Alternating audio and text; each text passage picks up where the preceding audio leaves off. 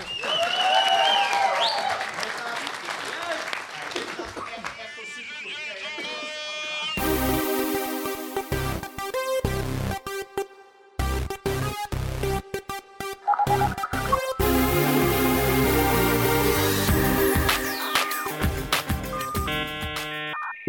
Hallo en welkom bij deze allereerste Login Techcast live. Waar we naar jullie toe komen vanuit Amsterdam met een paneldiscussie waar we een hele, hele gaaf discussies gaan hebben. En dat doen we allemaal voor een live publiek. Laat jullie horen.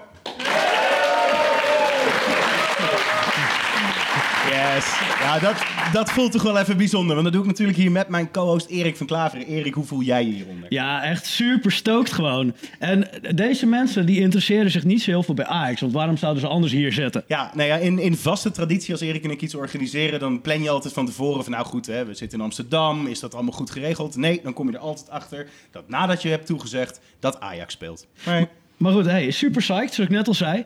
We hebben drie teams. Drie teams. We hebben een eh, team eh, Microsoft.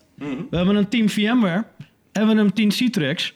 Ehm, en wellicht eh, is het goed voor onze luisteraars om die even voor te stellen. Precies, laten we dan inderdaad aan het begin van de tafel eh, gaan beginnen. En dat doen we met eh, Christian Brinkhoff, cloud architect en evangelist bij FS Logics.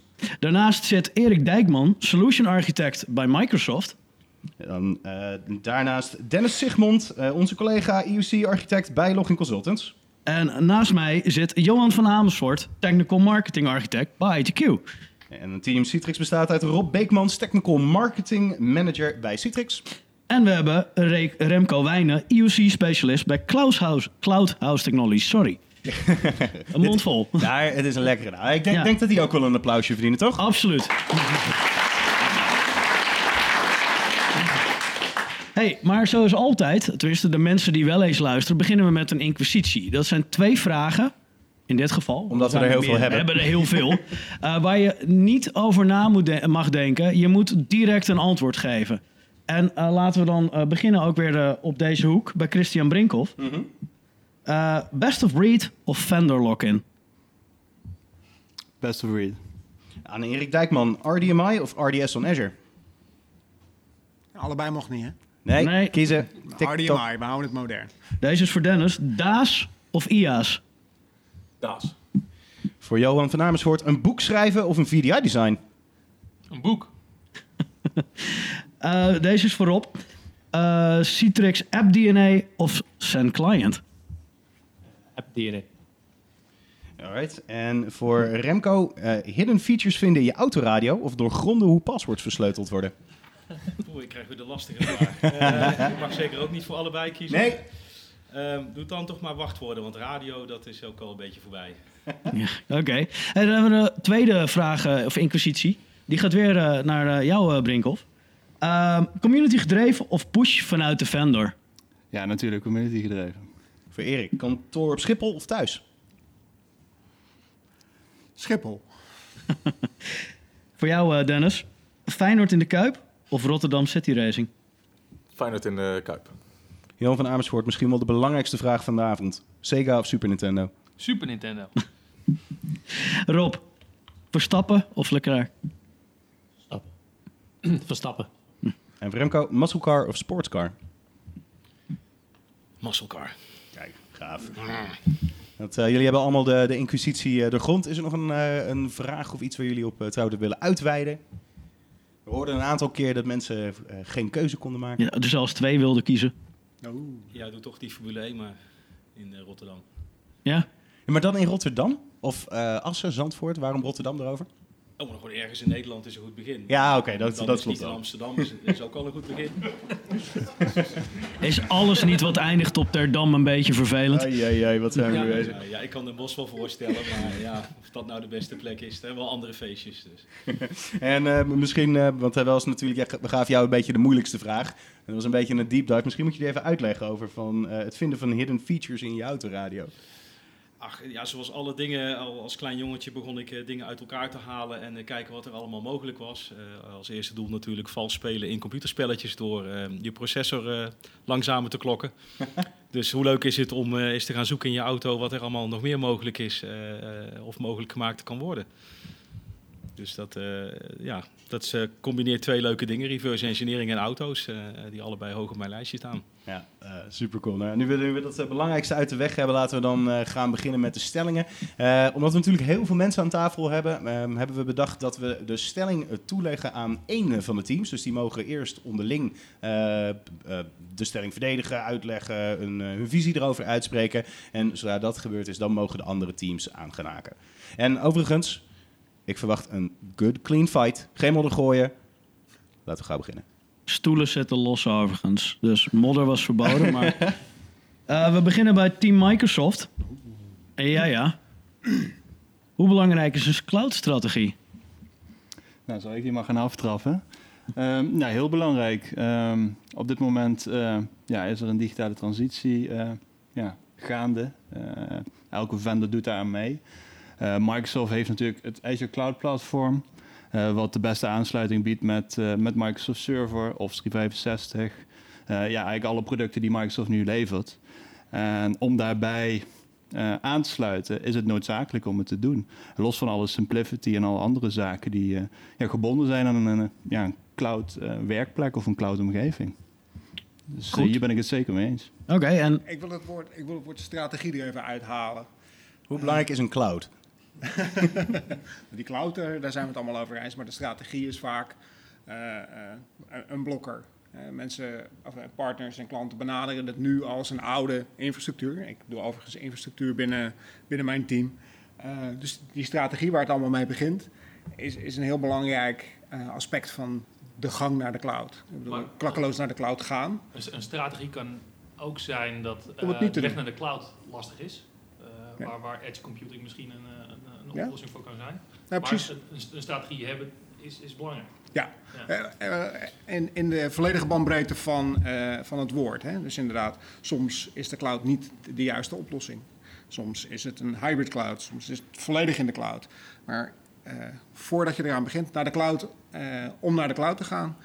Maar Is- een, een hybrid cloud is toch ook een cloud? Ja, absoluut. Nee, maar Dus in principe vang, vang ik deze eh, stelling eigenlijk heel globaal af. Hybrid, private, Ja, precies. public. Nee, maar goed, het is ook een beetje inderdaad eh, twee bestuurders die samen aan het golven zijn. Eh, zeg, heb jij al een eh, cloud-strategie? Nou, ik eh, ben net bezig met mijn blockchain-strategie, weet je. Eh, dus ik ben het wel een beetje met je eens. een beetje. dus het, het, Je hebt woord, nog geen bitcoins. hè? het, het woord strategie had van deze stelling af, afgehaald moeten worden. Eens. Dus hoe belangrijk is cloud? Of de transitie naar cloud? Dat is dan de stelling. Ja, die is Of meer misschien hoe belangrijk is die voor jou? Of, of hoe, weet je wat Johan zegt, hoe, hoe ga jij naar de cloud? En, en ga je wel voor alles naar de cloud? Ja. Oké. Hoe eh, zou Citrix daar invulling aan geven? niks daar invulling aan geven. Aan de cloud. Ja, aan hoe, eh, strategie, ja, van- aan het pad naar de cloud. bijvoorbeeld? Eh, volgens mij eh, bieden wij een eh, mogelijkheid om eh, vanuit de cloud eh, al je workloads on-premises of in any cloud aan te bieden. Als klanten naar de cloud toe gaan, het hangt er vanaf wat voor workforce heb je. Als je meer mensen hebt die mobile zijn en die op pad zijn en andere eh, ja, applicatievormen nodig hebben, dan is een cloud transitie is, eh, denk ik een heel, heel goed pad. Ja. Maar het, is, het hangt denk ik, dit moet per klant bekeken worden, per scenario. Maar ik denk dat eh, het strategieaspect dat jij er net uithaalt, dat dat juist ook heel verstandig is. Want ik denk dat we heel veel gezien hebben in de afgelopen jaren. Dat heel veel bedrijven een run maakten ernaar van nou goed, dan gaan we, gaan we maar implementeren. Het wordt half gedaan. En uiteindelijk voelt het niet zo succesvol als dat. Dus ik kan me voorstellen dat dat dan juist eh, heel belangrijk zou moeten zijn. Nou ja, we hebben hopelijk geleerd van onze fouten uit het verleden. We hebben een, eh, een periode gehad waar iedereen Citrix moest hebben. We hebben een periode gehad waarin iedereen VDI moest hebben. Eh, om maar eventjes... Sommigen een- beweren zelfs dat het het year of VDI is. Ja. Ja, nou ja, we hebben, we hebben al zo'n run gehad. Eh, en daar zijn ook heel veel fouten in gemaakt. Dat is ook heel vaak misgegaan. Maar is dat niet vooral omdat we altijd vanuit de techniek een push hebben gedaan en eh, niet gekeken naar de echte requirements in een business? Ja. Ja. ja.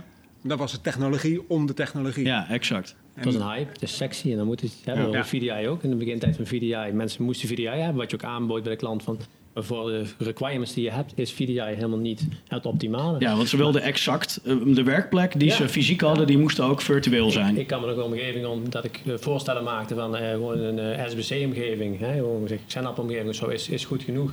Hè, werkt perfect wat jullie nodig hebben. Zeg ik, nee, ik wil VDI.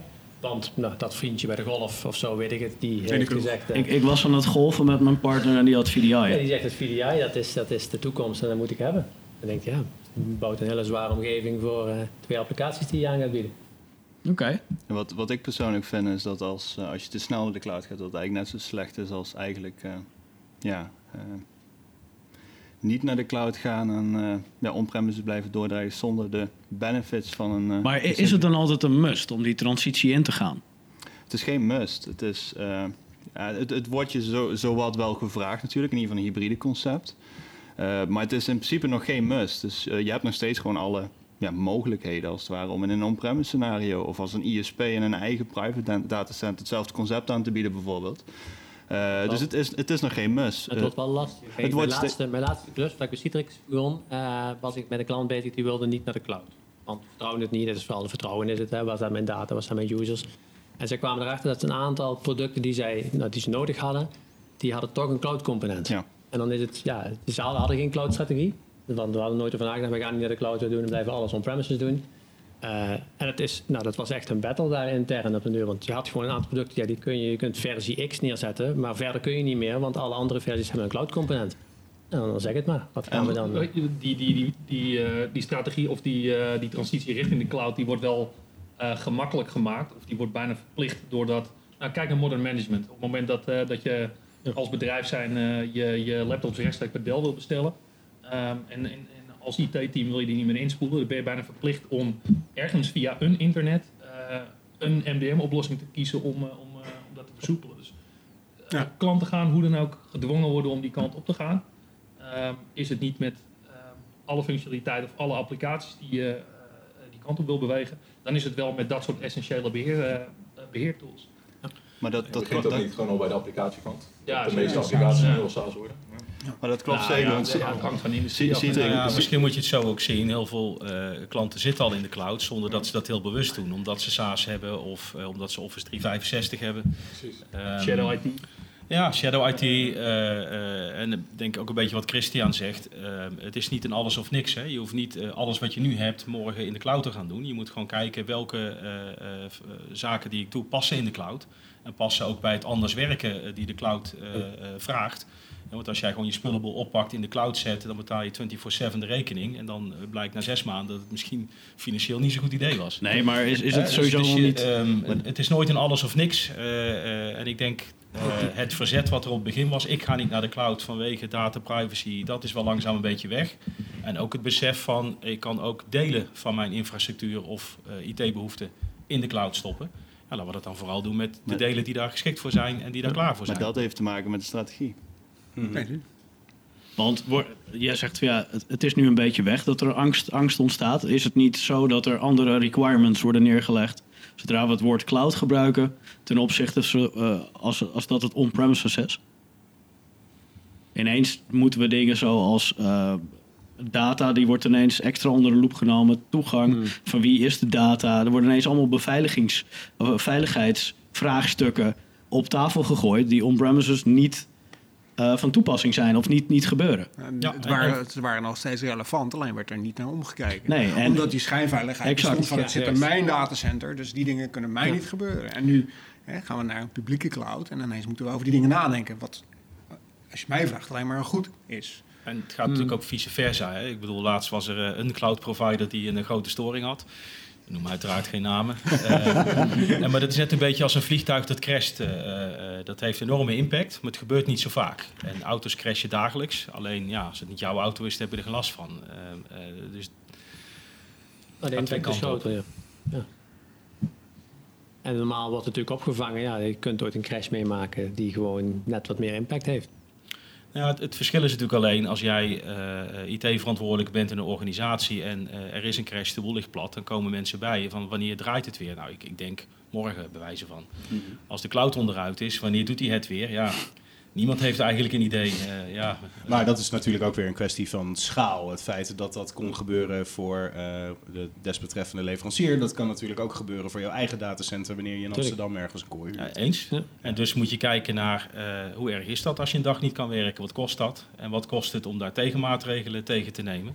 En is het dat dan allemaal waard voor die ene keer? Maar eigenlijk is dat hetzelfde de als we vroeger deden met datacenter ontwerp. Dan was het ook, dan, hoe ga je een datacenter ontwerpen? Wat, wat kan eruit? Dat is, Ja. het, het is niet veranderd, alleen de schaal nu waarin het draait is iets groter. Ja, en dan is het belangrijk, wat kost downtime mij en hoe lang Ja. eh, mag iets landen. Plus de gedachte die je vanuit een on-premises perspectief misschien hebt met disaster recovery.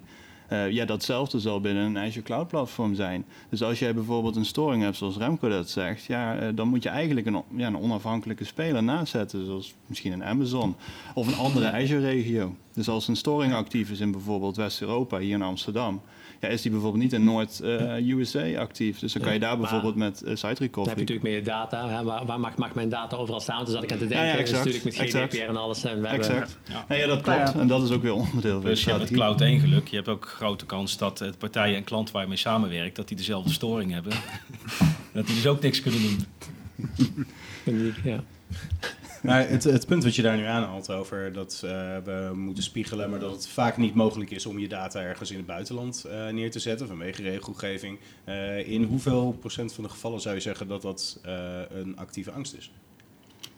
Ja, ik denk sowieso dat het bewustzijn van, van dit probleem er op dit moment helemaal niet is. Oh ja, dat is er wel, maar niet goed genoeg. Dus, dus dat, ja, dat storingsgevoeligheid, dat, dat gedeelte, ja, dat is gewoon heel erg aanwezig. Eh, maar er er moet ook gewoon aanwezig zijn dat als er iets aan de hand is, dat die verantwoording ook nog deels bij je ligt. Want je hebt een SLA van 99,99%, wat uit mijn hoofd 53 minuten is volgens mij. Eh, ja, dat is in principe niet zo heel erg veel, maar ja, eh, het kan wel gebeuren, dus je moet er wel over nadenken. Het is niet zo dat de cloud natuurlijk al die problemen oplost. Het maakt het wel een stuk makkelijker omdat alle tools door aanwezig zijn. Eh, maar de, ja, de, de configuratie moet je nog steeds hetzelfde. Je kan nog steeds poortjes openzetten naar de buitenwereld. Maar wie, wie moet deze bewustwording creëren? En bij wie, bij wie ligt deze verantwoordelijkheid? Ehm, ja, hangt eigenlijk af van welk contract je afneemt, denk ik ook richting je provider. Eh, maar ik denk dat het deels als je zelf vanuit een IT-afdeling een, een Azure-subscriptie en, en services op, opvraagt en installeert en configureert, dat je zelf gewoon daar verantwoordelijk over blijft. Maar er zit wel natuurlijk een, ja, een performanceverplichting aan vast die je afneemt in de prijs en het subscriptiemodel. Dus, dus die zou je wel altijd. eh, Ja, maar is het aan ons eh, als consultant of architect om de klant zich bewust te maken van, joh, je, je, je neemt een, een, cloud-strategie in. Ehm, wees je bewust dat de dingen die on-premises gebeuren ook daadwerkelijk in de cloud kunnen plaatsvinden. Exact. Ja. Ja. is gewoon een ander datacenter. Juist. Gewoon een globaal datacenter. Ja, maar over het algemeen zijn klanten allergisch voor het feit dat dat datacenter dan via het internet bereikt Ja, wordt. ja, ja. En, eh, ja. en de, de andere opties van direct connect, connecties en zo allemaal niet kennen. Hmm. Uh, dus het blijft eng. Uh, er, Ja. er, is een, er is een zorgverzekeraar ergens in Europa die ehm, eh, besloot een aantal jaren geleden bij AWS hun data neer te zetten. En toen bleek AWS afgelopen jaar zelf ook verzekeringen en, en hypotheken te gaan verstrekken. Uh, ja, weet je, dan geloof ik dat je als partij. eh, eh, Een klein belangenverstrengeling. ja, Ja. ja. dat is natuurlijk ook gewoon al lastig. En, en, eh, partijen eh, denken daar niet bij na voordat ze, voordat ze Mm. die, eh, die stap ook zetten. Dus ik, ik denk inderdaad wat je zegt, van, joh, is het aan, aan ons als architect of als consultant eh, de taak om de, om de klant daar bewust van te maken. Ja, zeker weten. Ja. Ja. En dat risico kan heel klein zijn, maar het kan wel bestaan. Ja, oh, zeker. Ja. En in dat voorbeeld van wat je nu zojuist schetst, eh, stel jij bent die verzekeraar, eh, is dat dan het punt dat je bij AWS zo probeert aan te kloppen van nou goed, hoe gaan we dit verplaatsen? Of is dat dan überhaupt niet, eh, het is een hele onderneming natuurlijk, als je dat volledig zou moeten gaan eh, overzetten richting een andere cloud provider. Ja, zeker. Weet je, dat is, dat is denk ik het nadeel als je... AWS heeft laatste telling iets van 580 services of zo die ze kunnen, kunnen, eh, kunnen leveren. Eh, als jij ehm, eh, Lambda bijvoorbeeld gebruikt om, om code in de cloud te pushen en daar eh, eh, ehm, een resultaat van terug te krijgen. als je dat soort services gebruikt, creëer je uiteindelijk wel een vendor login. Want je, gaat je, je core applicaties niet zomaar even herschrijven om, om een, andere provider daarin te gebruiken. Dus ja, ehm, dat is wel lastig. Dat is überhaupt gewoon lastig. Speelt natuurlijk nog iets mee. Ehm, alle clouddiensten hebben nogal eens de neiging om dingen uit te faceren. hè. Als blijkt dat er niet voldoende vraag naar is of het brengt niet voldoende geld in het laadje, eh, dan kun je wel het niet erg vinden dat je die lock-in hebt. Maar het kan ook gewoon morgen uitgezet worden. Microsoft Phone bijvoorbeeld. Oh, oh ja. Oh, Robert Wakker. Microsoft Phone. Zonde zeg. Windows zonde. Phone, ja? ja. En jij was de laatste persoon op aarde Ik die het nog gebruikte, toch? Een leuke Ja. anekdote. Afgelopen jaar stond ik op, ehm, eh, was ik op Vier Mult in, eh, in eh, Las Vegas. Dat Daar was- daar Rob ook. En eh daar, wa- er was een desk waar je eh, problemen met de, de Vier Mult app kon melden. Ja. En ehm, mocht er ik was een, een Windows Phone app geschreven waar precies drie gebruikers van 25.000 man gebruik van maakten. En je was er voor. Dan ben je uniek. Ja. Dat is op zich best wel grappig. Want ik hoorde vandaag eerder tijdens het eten dat een Microsoft-event, Ignite of Inspire, Ignite komt. eh, Inspire, dat die zeg maar ook apps had geschreven voor eh, mobiele telefoons. Echter alleen iOS en Android. Als je er klaar mee bent, ben je er klaar mee. Ja. Sorry Rob. Oh nee, ik heb, er geen, ik heb nu een andere telefoon. Maar hij was, ik was zeer tevreden met mijn Windows Phone. Misschien moet je eens een keer met Tony Krijnen gaan praten. Ja. Die heeft zijn hele Android-device omgebouwd zodat het Windows Phone looks en feels heeft. Ik heb mijn telefoon gedoneerd aan een, eh, aan een tiener die zijn telefoon had laten vallen. En ik heb toevallig van het weekend gehoord dat hij heel tevreden was over de audio van de telefoon. Kijk, Dus En de daar was er camera? iemand toch nog tevreden over. En de camera. Ik heb toevallig hetzelfde met mijn zoon gedaan. Die heeft eh, een jaar met mijn Windows Phone eh, rondgelopen. en die, eh, die, was, die was uiterst tevreden. Behalve dan Ja. op een gegeven moment dat het, app, het ja, appverhaal... app was, Hij miste sna- sna- sna- Snapchat, miste ze. Hoe oud is jouw zoon? Want, die... 12. Oh, hm, misschien zegt dat ook een beetje. Windows 17. Die we was gaan naar de volgende stelling. Oh, Windows Phone is... eh, Nou, als we dan toch in die, eh, in die wolken blijven, dan eh, wil ik graag aan Team Citrix vragen: hoe maak je de toegang tot cloud en on-prem gemakkelijk? Met Citrix dus. Ah, nou, dan zijn we klaar. Volgende stelling. Nou, kort en krachtig. We bieden uit de cloud aan, hè? Netscaler Services, Gateway Service. Dus eh, dat lijkt mij een hele makkelijke eh, oplossing. Oké. Ik zal er niks meer aan doen. Nee, gewoon eh, zo laten staan. Nou, als je standaard Netscaler Gateway as a Service implementeert, heb je geen radiusondersteuning. Dus Ah, ja, ja, ik ja. weet niet, vanuit een security perspectief is dat niet zo de juiste keuze. Dat maar er zijn omwegen voor. Dus, Ja. Dus uiteindelijk. En, en dingen zoals single sign-on. Workspace app, dat soort dingen. Oké. Team VMware. Ja, voor mij kan het allemaal veel simpeler. Het is gewoon een, eh, een creditcard. Ja. Ehm, en, en toegang tot cloud is geregeld. Maar ja, het hangt natuurlijk gewoon helemaal van de, van, eh, eh, de applicatie of de wens van de klant af. Of requirement. Eh, misschien heb je wel helemaal geen eh, ehm, wegen nodig tot ehm, eh, bruggen die, die je richting traditionele software gaan brengen. Want waarom hebben we Citrix VMware nodig? Ehm, is tegenwoordig gedeeltelijk met een digitale workspace wel vanwege single sign-on. Ja, Mhm. maar eigenlijk over het algemeen nog steeds vanwege traditionele applicaties. Ehm, Of data. of data. Vaak is data toch nog steeds wel het, het ding waarom er een verbinding moet zijn met on-premises. Ja, Exact, en dat, dat is eigenlijk een beetje het, het, het speelveld wat er nu heerst, wat de digitale eh, werkplek, de digital workspace eigenlijk genoemd is in ja, marketingtermen als het ware. Eh, dat is eigenlijk een eh, ja, soort stepstone portal, dus een eh, HTML5-base, volledig supported met elk platform, elke VR-omgeving die jij in jouw omgeving hebt, die vanuit een cloud en die dan eigenlijk de, ja, de schakel tussen al jouw platformen is. En daarmee maak je voor een eindgebruiker maak je het heel erg makkelijk. Eh, om ja, toegang tot Maar de cloud. niet En, noodzakelijkerwijs altijd voor cloud of automatisch voor cloud. Kijk, Nee, volgens nee, mij is het doel, stel eh, jij komt morgen in een organisatie als nieuwe medewerker binnen. Eh, je, je krijgt iets, een apparaat, je logt in en eh, je hebt toegang tot alles waar jij toegang toe hoort te hebben. Eh, en naast single sign-on vooral ook single sign-off. Dat als je ergens een keer weggaat, dat iemand gewoon één dingetje kan uitschakelen. Dat alles waarvoor jij geautoriseerd was, voetzie is. ja, dat klopt. Ja, je kan hem op dat kan op zich natuurlijk voor on-premises eh, en Ja, cloud dat- en SaaS en al die dingen gelden. Nee, dat is, je kan hem op verschillende manieren Ja, je interpreteren. kan, ja. Eh, als, als je puur naar on-prem kijkt, dan, eh, dan, gaat, eh, dan, dan is het natuurlijk gewoon de bedoeling dat je je traditionele applicatie eh, de cloud inbrengt of, of eh, bereikbaar maakt vanuit een cloud. En ook bruikbaar, dat de gebruiker Bruikbaar. niet... eh, Mm. Ja, Ja. daar, zijn, eh, daar, daar is de befaamde digitale werkplek die, die alle partijen hier aan tafel kunnen, kunnen Ja. leveren natuurlijk wel. En hetzelfde met applicatieportals. hè. De applicatieportals groeien in de markt ook als... Ja. eh, Ja. Precies, en, ze en worden ook steeds universeler, dus geen vendor locking in principe op die portals. Dus Citrix die ondersteunt ook eh VMware Horizon bijvoorbeeld en RDMI straks. En zo ook de andere kant op, dus Ja. eh, Workspace ONE ook eh, Citrix en RDMI. Dus eh, daar, dat is waar de markt nu een beetje naartoe aan het En het bewegen on- is. Het maakt het onderscheid niet meer met het aanbieden van SSO naar een SaaS-app. Want dat. Nou ja, er zijn er misschien wel twintig die dat, eh, die dat kunnen. Ik denk de volledige oplossing die dan geboden wordt, dat dat het verschil voor klanten zal. Dus je kan eigenlijk stellen dat in zo'n hybride situatie dat een portal service met IaaS erachter, eh, dat dat je toegang dan is. Exact. En eh, natuurlijk, heel veel bedrijven gebruiken nu gewoon de dashboard van eh, Office 365 daarvoor. Maar er zitten gewoon heel veel beperkingen aan. Eh, traditionele applicaties die dan niet werken, die dan toch weer een RDS, Citrix, VMware koppeling moeten hebben richting een desktop, een publish app mechanisme.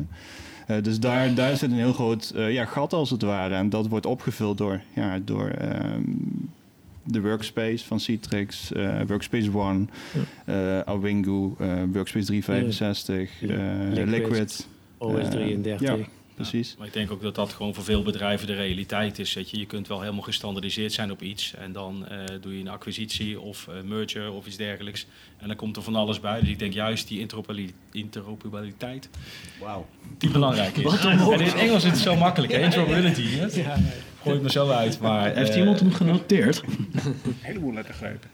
Ja, maar dat is natuurlijk ook, we zijn al tien jaar bezig met alles naar SaaS toe brengen. Tien jaar geleden werd gezegd, nou ja, in in 2018 hebben we, geen, hebben we alleen maar SaaS-apps.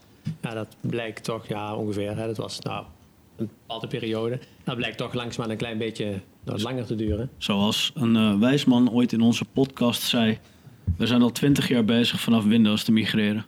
Juist. Ja, dat is zo. En in de Dus laatste VDI State of the Union kwam naar voren dat er eh, weer meer Windows-applicaties bijgekomen zijn. Dus er zijn eh, niet aan de uitfaseren, maar er komen er nog steeds meer bij. Ja. Jean Bers heeft altijd, er zijn eh, na een nucleaire oorlog zijn er nog drie dingen die overblijven. Kakkelakken, Twinkies en eh, traditionele Windows apps. Dus, Ik heb nog nooit een Twinkie gehad, maar ja, Heel zoet. zijn woorden. Ja? Heel zoet. Hoe smaakte de kakkelak? Oh ja, sorry, die ook niet. Maar En je, je, je haalde net al aan, eh, Christian, over eh, portal service en IaaS. Wanneer, wanneer zou dat een misplaatste oplossing zijn? Of wanneer zou dat niet passen, eh, maar zien we het wel geïmplementeerd worden?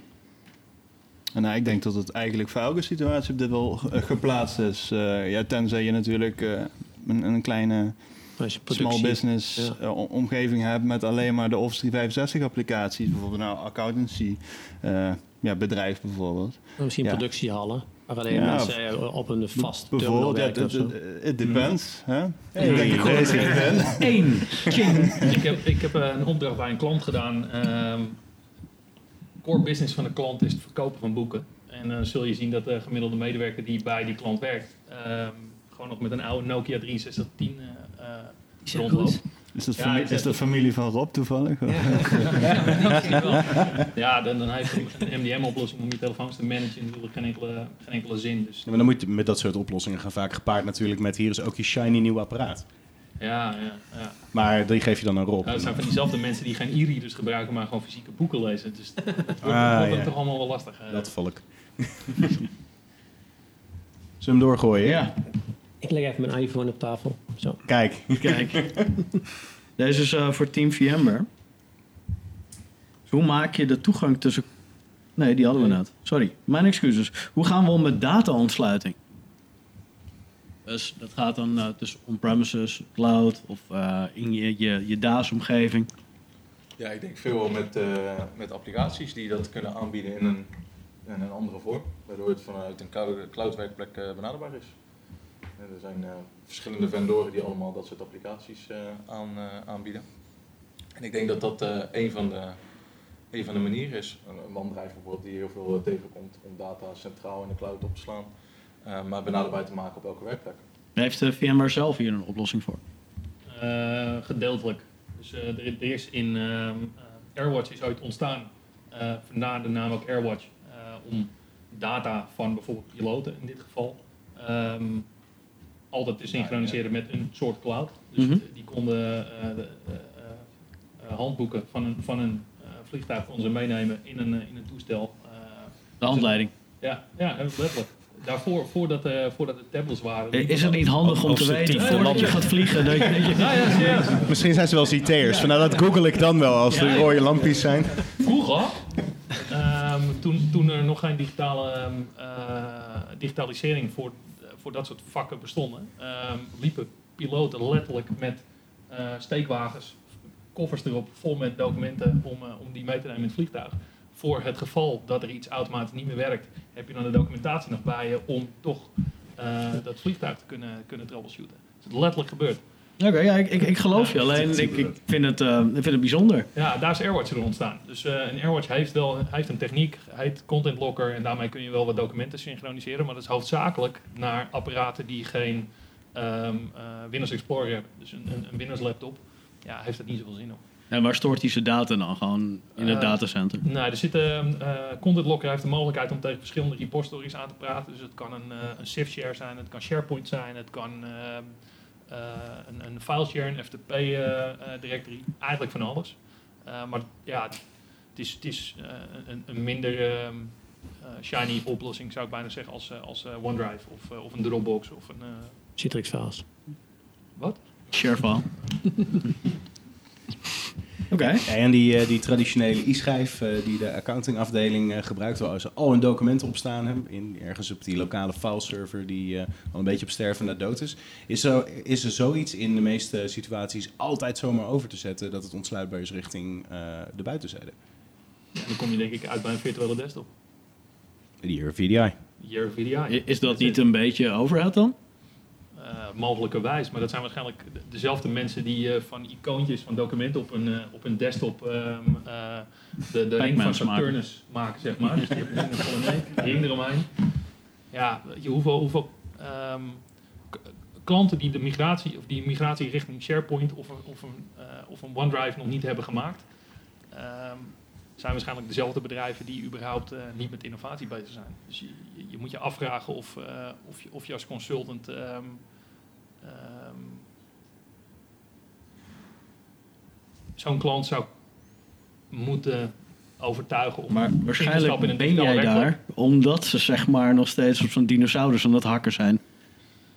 Ja, nee, eigenlijk niet. Nee? Nee? nee, ik moet je eerlijk bekennen dat ik al een hele tijd geen klanten meer heb gezien die geen gebruik maken van OneDrive of SharePoint of, of vergelijkbare eh, oplossingen.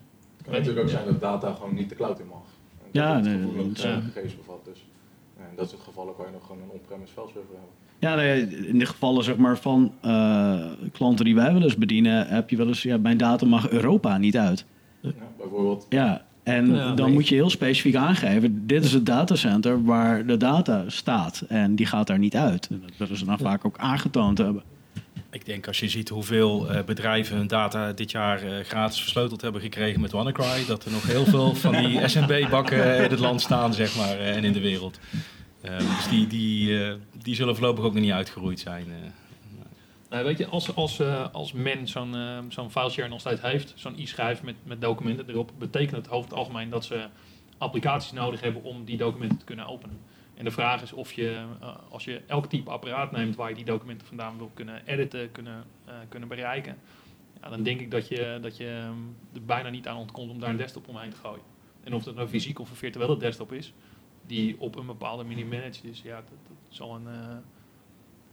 eh, dat maakt eigenlijk niet gek veel uit. Hmm. Maar ik ben wel van mening dat die desktop voor dat soort bedrijven nog steeds een, een, een, een bijna verplichting is. Nou ja, de vraag is ook, eh, zeg maar, die behoefte om eh, documenten overal en op elk apparaat te kunnen bewerken. Is dat een behoefte die wij als IT'ers bedacht hebben? Of is dat ook wat die klanten daadwerkelijk willen? Kijk, ik vind het al vervelend om een mailtje op mijn telefoon te typen, bij wijze van.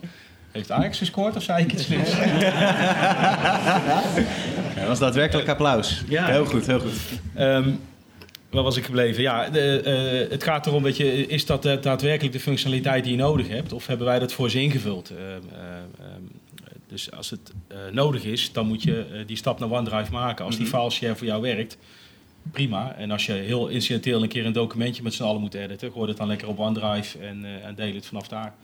Ja. Maar als je, als je het kijkt vanuit een, eh, eigenlijk een, een storage as a service eh, platform zoals OneDrive of, of, of ShareFile of Citrix Files, eh, heeft bijvoorbeeld Azure eh, ook een eh, Azure Files, Azure File Sync eh, service beschikbaar.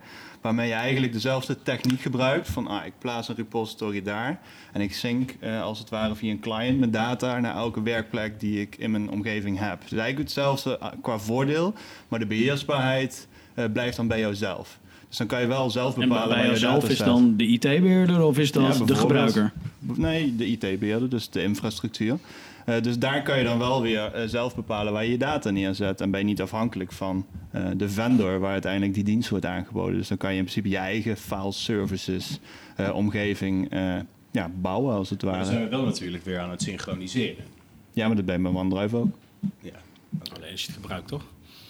Ja, ja, jij, hebt- jij hebt waarschijnlijk gewoon een lege OneDrive. Als ik Hij heeft nog de e-schijf. Ja. Nee, maar goed, dat je, nie- niemand wil een e-schijf. Hè? Als je, als je Nee. nu een nieuw bedrijf begint, dan gaat niemand zeggen... nou, weet je, ik wil altijd alles van Windows File Server en, eh, en die ga ik inrichten. Dat was de droom vroeger. Ja, dus ehm, eh, als je nu iets nieuws begint, dan neem je een clouddienst... en eh, dan zijn er volgens mij een aantal hele goede voorhanden klaar. Ehm, waar het om gaat is, je hebt nu iets... en dat is een fileserver wat niet alleen maar een platte eh, directory structuur is... maar wat gewoon een dumpplaats van data is... waarvan niemand precies weet wat erop staat, wie er toegang van heeft... en welke applicaties er allemaal iets mee doen. Dus eigenlijk durft niemand het aan te raken... En als oplossing gaan we dan kijken welk eh, cloudproduct het beste eh, eh, precies hetzelfde doet als die fileserver. En dan ben je eigenlijk niet aan het omdenken naar hoe werk ik met data in de cloud. Dan probeer je gewoon lift en shift van wat je hebt in de cloud te doen. Het is die vliegtuigachtige compact daar in de hoek die aan het zoomen is. Precies. Ik wijs ergens naar, maar er staat niks. Nee, maar, goed, dat ziet niemand thuis. Nee. Ehm, De magie. een hele mooie quote van eh, Henry Ford was: Als ik naar klanten had geluisterd, had ik eh, geen Ford gemaakt, maar een sneller paard. Ja. Klanten weten niet, eh, weten niet wat, ze, wat ze willen. Maar eh, de, het is wel natuurlijk een heel goed punt. Kijk, ehm, als Erik en ik een show voorbereiden, wij doen dat eh, in eh, twee verschillende cloud-platformen, waar we tegelijkertijd in hetzelfde document aan het uitwisselen zijn, waar ik vanaf ieder apparaat zeg maar, even snel het moest in kunnen zien. Oh, wat was het ook weer? Waar gingen we ook weer over praten? Daar is het heel nuttig voor. Maar ik denk dat nog heel veel consultancy eh, toegespitst is op een alles of niets eh, mentaliteit. Is dat ook iets wat jullie zien? Dus dat je een, een compleet vendor portfolio ergens... Ja, dus feitelijk, oké, we gaan binnenkomen bij dit bedrijf en we gaan alles richting, eh, richting een cloud duwen. We gaan alles eh, ontsluitbaar maken. En het voorbeeld wat je daar net noemt van met z'n allen kunnen editen in een document, ook al is het misschien niet helemaal de wens. Als je, als je een breder trekt dan ehm, eh, alleen maar data-ontsluiting, zagen we zeg maar, eh, denk ik een jaar of eh, vijf, zes geleden, dat we heel erg gefocust waren op eh, persona's. Dus we gaan eh, assessment, assessments doen bij klanten. We creëren persona's ehm, en, en eh, daaruit gaan we een, een omgeving ontwerpen. Vervolgens zie je ehm, dat er een, een enorme marketing vibe ontstaat. Ehm, een, een aantal jaar daarna van joh, ja, nee, we, we kunnen nu een platform neerzetten waar je alles mee kan. Of ik nou vandaag op mijn iPhone werk en morgen op een iPad of een dag later weer op een, eh, een Windows-machine. Mhm. Wij zorgen dat je identiteit gemanaged wordt. Dus zet het platform neer voor iedereen, dan komt het allemaal goed. En je merkt dat kosten daardoor gaan stijgen, want niet iedereen heeft een enterprise-licentie nodig waar alles maar in zit. Ehm, en stiekem zijn we toch de laatste paar jaar weer teruggekomen, de laatste twee jaar, op weer kijken naar die persona's. Wat heb je nou echt nodig? Maar ik denk dat die insteek ook een betere insteek is. Veel, je, je, je groepeert. Je geeft niet iedereen een laptop, een tablet en een telefoon. En helemaal niet als het een eh, receptionist is die de hele dag zeg maar, achter een vast toestel zou zitten. Ja. En dat is niet denigerend naar eh, die receptionist. Het is gewoon niet nuttig om die een ja, tablet eh, en een, een mobiele telefoon te geven, terwijl die op één vaste werkplek aan het werk is. Nou ja, eens, 100% eens.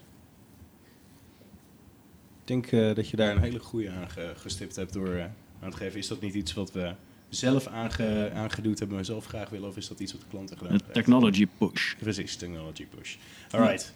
Dit, oh ja. Laten we die achter Ja. ons eh, laten. Ik denk dat het nu de tijd is om, een, eh, om het publiek aan te spreken. En of jullie een vraag hebben voor onze tafel.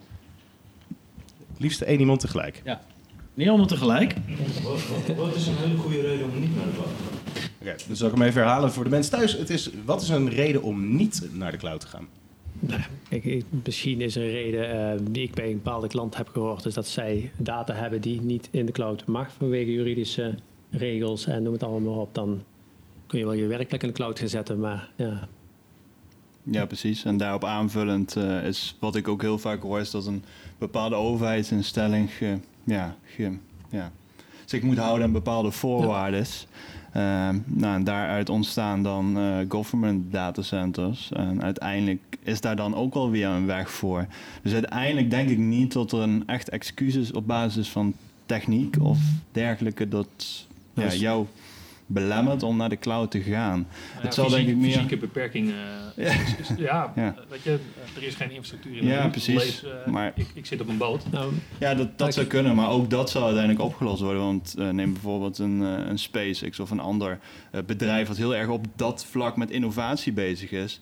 Ik ben toevallig vorig jaar in, in de Kennedy Space Center geweest. En daar zijn ze bezig met eh, satellieten over heel de wereld te verspreiden. Waar je zelfs midden op de Atlantische Oceaan of in de Sahara-woestijn eh, gewoon eh, ja, een 4G-snelheid verbinding bijvoorbeeld hebt. Dus uiteindelijk zal dat geen excuus meer worden, denk ik. Het is gewoon een kwestie van tijd. Dus Ja, maar een disaster. Hè. Dus Stel, er zijn, er ik heb ooit een omgeving ontworpen voor als er ergens een kernstraal ontploft of een kernramp gebeurt of een kernaanval.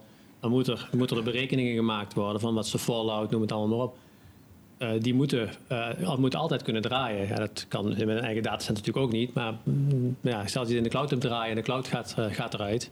Eh, wereldwijd door een of andere storing. Dan, nou, dan, dan zie ik wel eens een scenario die zegt, daar, daar is misschien cloud niet de beste oplossing voor. Of een eigen datacenter daarvoor de beste oplossing is. Nou ja, precies. Het, eh, dat scenario zou je natuurlijk ook op je eigen datacenter dan kunnen Tuurlijk, betrekken. ja. Dus uiteindelijk denk ik tot, ja, tot er niet echt een excuus is om niet naar de cloud te gaan. Is Nee, het angst dan? Ik denk het wel. Adoptie, Trouwen. angst, eh, snelheid van innovatie dat te snel gaat voor een klant. eh, controle verliezen. Eh, Maar je begint nog steeds met het vertrekpunt. Je Ja. moet naar de cloud. Eh, je moet niks. Je moet naar de cloud als het je iets oplevert. En dat opleveren eh, zou heel theoretisch kunnen zijn dat het goedkoper wordt, maar meestal niet. Eh, maar andere goede redenen zijn natuurlijk wel omdat je bijvoorbeeld de expertise zelf niet hebt of dat het niet je core business is. Of, eh, maar je moet toch altijd beginnen met levert het me iets op. Kijk, als ik Maar is IT, de meeste klanten waar ik kom, is IT sowieso niet de core business. Die hebben altijd een andere core business en IT is faciliterend. Nee, maar goed, als je dat naar specialisme vertaalt, eh, misschien vind je het prima om eh, eh, een helpdesk te hebben en mensen die zeg maar fysiek aan de PC ondersteunen. Maar wil ik geen exchange-infrastructuur in de lucht houden, omdat Microsoft bewezen heeft dat ze dat heel goed kunnen. Ja. En het misschien zelfs nog wel goedkoper is. Ehm, dus ik denk dat je vooral die afweging moet blijven van wat is mijn doel? Wat levert het me op? Eh, misschien koop je wel gewoon zekerheid van ik hoef me er niet meer druk om te maken. Nou, dat kan een hele goede reden zijn. Als je alleen maar denkt, ja, ik, ik gooi het de cloud in, want dan is mijn verantwoordelijkheid niet meer. eh, dat gaat niet werken, zeg maar. Want het komt toch bij je terug, want jij bent als enige verantwoordelijk voor die data. Eh, Ja. Of die nou links, rechts of in de lucht hangt. Ja, ja. Een bedrijf moet ook kijken wat is de core business en hoe werken mijn, mijn gebruikers. Als gebruikers allemaal achter een vet client aan een bureau zitten de hele dag en hebben geen mobiele telefoons en nooit mobiel, dan heb je een heel, andere, heel ander uitgangspunt dan, dat je ja, moderne bedrijven waar mensen thuis werken, ja, zeg het maar waar ze werken. Maar je, je moet het ook bekijken vanuit een, een eh, ja, licentieperspectief model vanuit eh, Microsoft. Want we worden natuurlijk ook allemaal eh, deels een beetje geleefd door de grote vendor Microsoft. Eh, dus uiteindelijk eh, hebben we nu Office 365 als eh, E3, E4, E5 eh, eh, model. En er zitten heel veel dingen in eh, die je kan gebruiken om on-premises services te doen vervangen. Laat Microsoft nu ook Office eh, 365 in Microsoft 365 gaan plaatsen. En daar ook je Windows 10 eh, licentie in te hebben staan. En Intune en alles wat daarbij komt kijken. Wat je in principe kan gebruiken om heel veel on-premises zaken te vervangen in een licentie-subscriptiemodel die goedkoper is. Eh, ja, om die licentie los aan te schaffen voor een on-premises scenario. Dus vanuit dat oogpunt ja, zal dat uiteindelijk wel weer de markt gaan ja, doen eh, ja, omvormen als het ware. Sluit jij je daar helemaal bij aan, Erik Dijkman van Microsoft? sluit ik me er helemaal bij aan. Ja, ik zie eigenlijk. eh, de enige, wat bij mij door mijn kop heen speelt is. ja, eh, de, het enige scenario wat ik kan bedenken is naar de cloud gaan om naar de cloud te gaan. Eh, doe dat alsjeblieft niet. Wat denk ik best wel veel gebeurd is. Ja. Eh, ja, eh, ja, helaas. Eh, eh, de, de, de, de, de beroemde lift- en shift scenario's zijn er zo een paar keer voorbij gekomen. We hebben een infrastructuur, die pakken we op en die zetten we in de cloud en dan is alles oké. Dat is natuurlijk niet waar. Eh, daar moet wel ander aan gedaan worden. Er moet ge- gerefactored worden, gere-architect, gestroomlijnd. En er moet ook, een, er moet ook naar gebruikers geluisterd gaan worden. Ehm, en we, eh, IT heeft jarenlang de business gedreven. En Wij kochten ERP-pakketten en wij kochten financiële pakketten. IT'ers hebben daar helemaal geen verstand van. Is, Eh, is dat zo? Nou, niet echt. Ik heb geen... Nee, wat ik bedoel is, is eh, Dat- mijn ervaring is juist dat heel vaak de business iets koopt op basis van Ja. allerlei criteria. Nou, en ik- dan bij IT komen van, oh kijk eens, dit hebben we gekocht, misschien vind jij er ook nog iets van. Nou ja, Nou, ik vind eigenlijk helemaal niks. Ja, het eigenlijk al gekocht. Dus, Nou ja, verder terug in de tijd gebeurde dat wel. Eh, er, werden er, werden een aantal pakketten geselecteerd door IT. Die werden dan inderdaad... eh, eh, en maar daar ging het eigenlijk al mis. De vraag had gesteld moeten worden in eerste instantie aan de gebruiker. zijn je functionele vereisten, et cetera. Precies. Er Ja, waren dus dan drie alles komt ze terug bij die requirements verzamelen in het begin. Voordat je überhaupt gaat Met opstellen waar je heen gaat. Met gebruikers praten. Ja, Dat is gewoon zo belangrijk. Dat is vaak gewoon vergeten. Er wordt gewoon een nieuwe omgeving neergezet, wordt technisch getest. Alsjeblieft gebruikers, hier is de nieuwe omgeving. doedels. Ja, maar wel met loslaten hoe je het nu doet. Gewoon als je, als je het helemaal opnieuw zou mogen kiezen. Wat is dan jouw ideale manier van werken? En dan moet je kijken wat daar dichtst bij in de buurt komt. Is dat ook mogelijk voor alle de grote bedrijven waar we, waar we opdrachten uitvoeren?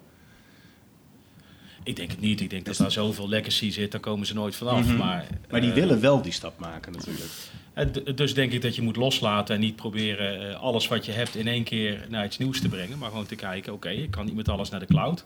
Eh, maar met welke dingen kan ik eventueel wel naar de cloud? Pak daar je quick wins.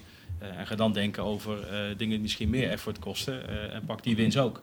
En misschien beslis je wel, oké, ik heb hier nog een stuk en dat sterft wel een keer uit. En dat blijft... eh, ik heb altijd de neiging om erop te pesten on-premise te zeggen, maar ik zal on-premises zeggen. Eh, dat blijft on-premises. Eh, Waarom? Ja, het staat er. Eh, in principe heb je geen investeringen meer aan en je doet er minimaal onderhoud aan en je hoopt dat het een keer uitsterft. Eh, en misschien doet het dat wel nooit. Ja, juist. Survival of the fittest. Zeker. Nou, dan lijkt mij dat even een goed moment dat we de korte break in gaan. En als we zo meteen terugkomen, dan krijg je antwoord op de vraag waarom een mobile strategy nodig is in een hedendaags bedrijf. Tot zo. Cool. We zijn er weer. We gaan eh, op naar de volgende stelling. Die is voor Team Citrix. En dat wordt een hele leuke. Waarom zou ik, een mobile of een bedrijf, een mobile strategy moeten hebben in een... Nou, die klopt niet helemaal. Waarom...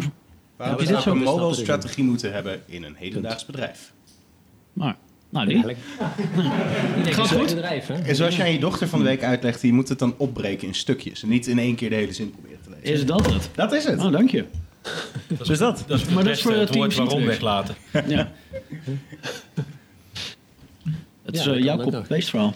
Ehm, nou ja, Correct. Ja, Ja. correct. Ik bied mijn excuses aan voor de komme zin.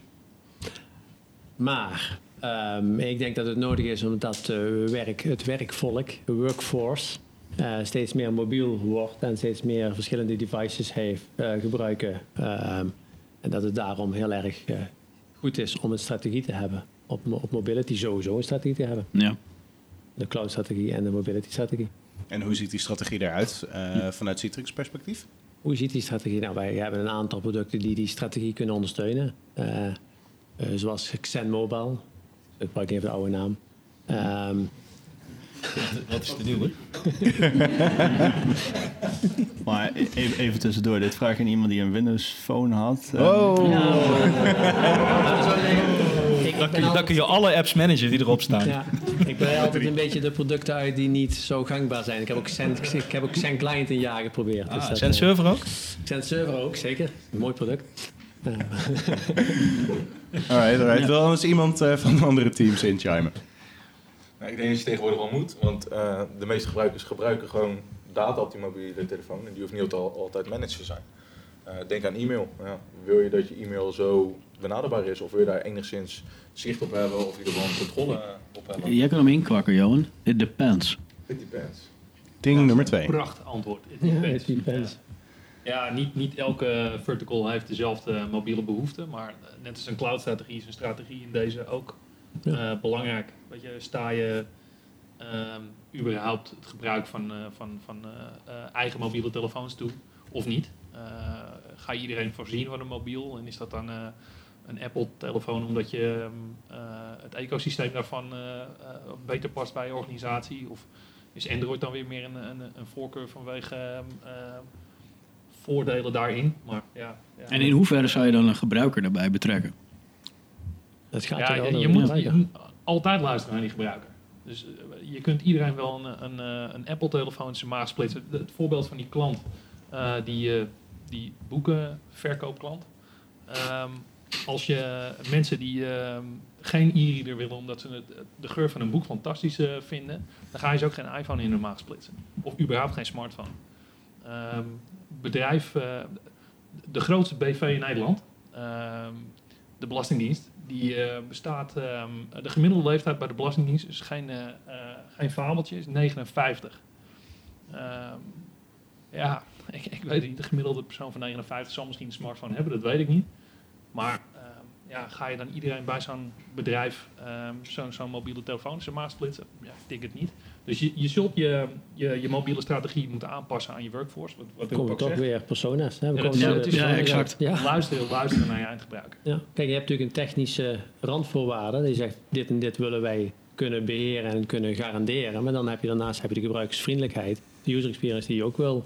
Ja, daar wil je ook in mee kunnen gaan. Als je het niet doet, dan krijg je een apparaat wat gebruikers niet gaan gebruiken. Maar dan heb je iets nodig om dat af te kunnen dwingen. Tuurlijk. Tuurlijk. Dus Ja, buiten, buiten het... Alle spelers hier aan tafel hebben een oplossing om, eh, om dat af te dwingen. Maar voor je iets af kan dwingen, moet je eerst beslissen wat je nou eigenlijk af wil dwingen. Juist. En daar gaat het vaak mis. Ja, Ja. Dat, dat is een van de grootste. Ik, ik weet niet, bij Show of Hands, wie- eh, komt er wel eens bij een klant die geen eh, security beleid heeft? Dat is ongeveer de helft, denk ik, zo'n beetje. Dat, ik denk dat dat een van de grootste uitdagingen is. Ik, weet niet of jullie het daarmee Ja. eens zijn, die we bij klanten Ja, tegenkomen. Absoluut. Een, een security strategie, eh, of secu- security beleid in combinatie met een eh, mobile eh, first of een, een mobile strategie in zijn algemeenheid. ehm, conflicteert zo vaak. Want ja, ze hebben het niet. Eh, we zien een telefoon. Oh ja, er moet een pincode op. Ja, 1, 2, 3, 4 is gewoon prima. Of eh, een wachtwoord op je laptop. Ja, joh, of ze kijk doen maar. het niet. Hè. Zijn pincode moet erop Ja. en dan krijg je van een keer een melding. Maar er is geen admin die dat erachteraan gaat. Dus je ziet gewoon de helft van de devices. Heb ik geen pincode? Want ja, als niemand, eruit, niemand zegt je moet die pincode erop of je het voor staat, dan komt het er gewoon niet op. En dan heb je gewoon je opent je mail en eh, je kunt bij die mensen alles. Ja, dat is, ik, ik vind dat schokkend. Maar goed, bedrijven moeten. eh, de, de, de mensen die nu van school afkomen, die zijn gewend om op elk type apparaat eh, hun werk te kunnen doen. En, Die eisen dat ook. om, om, om dat soort mensen binnen, binnen je... Nou, neem weer die, die belastingdienst. Als, je, als je daar jonge medewerkers binnen wil halen, dan zul je wel iets met eh, een, een mobiele strategie moeten doen. Die ga je niet eh, eh, in, een, in een hokje stoppen, curse live, en maar zeggen hoe ze hun werk moeten gaan doen. Dat, dat gaat nooit werken. Een strategie, is ook, een strategie hebben betekent niet per se dat je hem volledig lokt en in controle bent. Hè. Je kan er ook een goede balans in vinden dat je ja, misschien wat, eh, wat DLP-achtige policies absoluut. je, op je bedrijfskritische applicaties. Moeten we daar juist niet van afstappen? Dat we juist het meer vrij moeten laten en losser moeten laten? Ja, tot op zekere hoogte wel, denk ik. Leg je te veel restricties op, dan gaan gebruikers op zoek naar andere manieren. Dat is... Het is vooral monitoren. Ja. Ja. Ja, een van de grootste ehm, oorzaken van, van shadow IT. Dus we, we staan eh, gebruikers niet toe om ehm, bestanden uit te wisselen. eh, of, of, of om thuis te kunnen werken. Nou, dan installeer ik toch gewoon Dropbox. Ja, werkt net zo goed. Mhm. Ja, ik, ik heb ooit wel eens geroepen, het hele bring your own concept is het falen van IT. Wij dwongen gebruikers ergens op te werken waar ze blijkbaar niet tevreden over waren. Eh, dus laten we ze nu hun eigen devices kopen en eh, ja, zijn ze wel blij. Ja, Ja, gebruikers willen gewoon werken met eh, de spullen die ze thuis ook gebruiken. Dat kennen ze, dat willen ze graag gebruiken. Maar als je terugkijkt naar de stelling, zeg maar, bij, bij cloud kun je nog eh, zeggen dat is niet voor iedereen of dat hoeft niet voor iedereen. Eh, maar ik denk, eh, uitgezonderd de Belastingdienst, dat iedereen een smartphone heeft. Ehm uitgezonderd erop is dat dan een iPhone of een, of een Android-telefoon. Eh, en daar staat data op. Eh, zij het mail of weet ik het wat. En eh, voor die data ben jij als bedrijf verantwoordelijk. Eh, en je moet voldoen aan GDPR en AGV en, en al die dingen. Ehm, dus je- hier zul je echt een strategie moeten hebben. Oké, eh, eh, Rob zijn telefoon is gestolen. Ehm, wat voor data staat erop? Eh, wie moet ik inlichten? Welke data is er weg? Waar is die naartoe? Kan ik hem wipen? Dat soort dingen zul je in kaart moeten hebben. Ja. Maar de gemiddelde medewerker zal het ook nu tegenwoordig niet meer zomaar accepteren dat jij als systeemadmin naast alle data ook zijn persoonlijke foto's, video's en al die dingen gaat wissen. Eens, van mijn Dus daar moet je telefoon eh, faciliteren moet je ook afblijven, maar daarom is het ook mijn telefoon. Eh, eh, maar je kunt natuurlijk wel zeggen, als jij als bedrijf hoogsensitieve data hebt, eh, eh, prima, maar die gaat alleen op zakelijke telefoons. Want daar kan ik over beslissen, Mhm. maar dan moet je ze ook verstrekken. Eh, maar dat is de ene consequentie van eh, het doel wat je wil bereiken. Als jij productiemedewerker aan de band bent, ja, moet jij dan je zakelijke e-mail, moet je die überhaupt hebben, maar moet je die dan synchroniseren op je telefoon? Mhm. Eh, dus dat zijn twee heel verschillende eh, eh, problemen die je anders moet oplossen. Dus zou voor zo'n strategie een, eh, een security officer in de hand genomen moeten worden? Zou- Zou, zou die er in ieder geval een blik op, op moeten werpen? Ja, ik denk het wel. Lijkt mij dat hij in ieder geval wel een mening heeft, ja. Maar als, als ik nou een heel klein bedrijf ben, Dan heb je waarschijnlijk geen security officer, dus... eh, huur je een consultant in. Ja. Oké. Nou, dat- ja. Ik denk dat het zeer belangrijk is, hoe klein het ook is. Je moet erover nadenken, van waar gaat mijn data heen? Wie, wie, reist, wie reist er met, met data rond? En ja, hoe gaan we dat... eh, Nou ja, wat, wat we net al eh, in de hand riepen is AVG, GDPR. Ja. Daarbij heb je een, een rapportageverplichting. als je met persoonsdata omgaat. Ja. Ehm, dan is het denk ik wel handig dat je weet veel wat, wat komt er terecht op dit soort apparaten. Ja. En eh, wie heeft er toegang toe? Ja, maar sowieso. Het is je bedrijfsdata. Dat is waar, wat, wat het bedrijf op draait.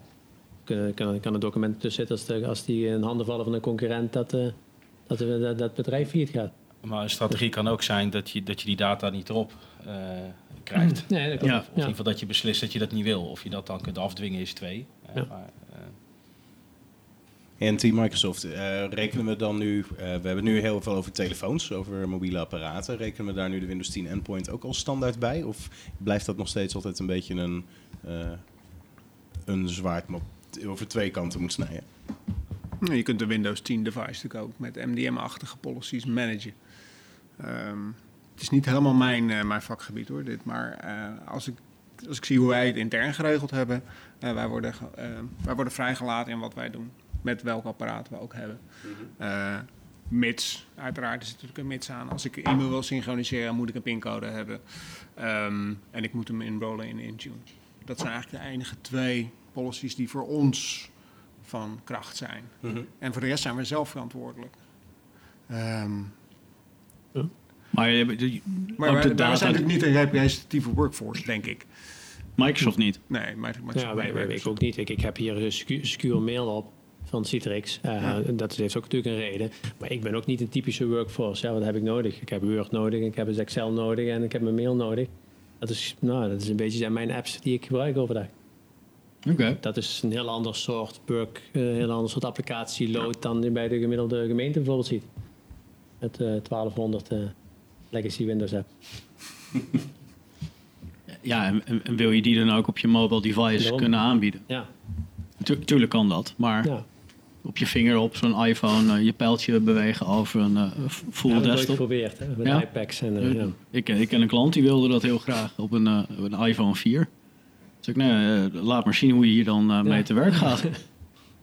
Het ging erom dat het kon. Het ging niet Ja, zozeer om dat het ja, werkbaar juist. was.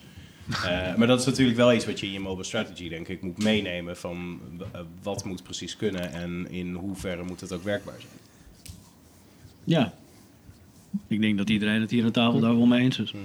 En terugkomend op de, de vraag aan het Microsoft team of eh, Intune of in ieder geval een, een, een Surface of een fysieke Windows Team werkplek ook onder mobile valt. Ja, ik denk zeker van wel.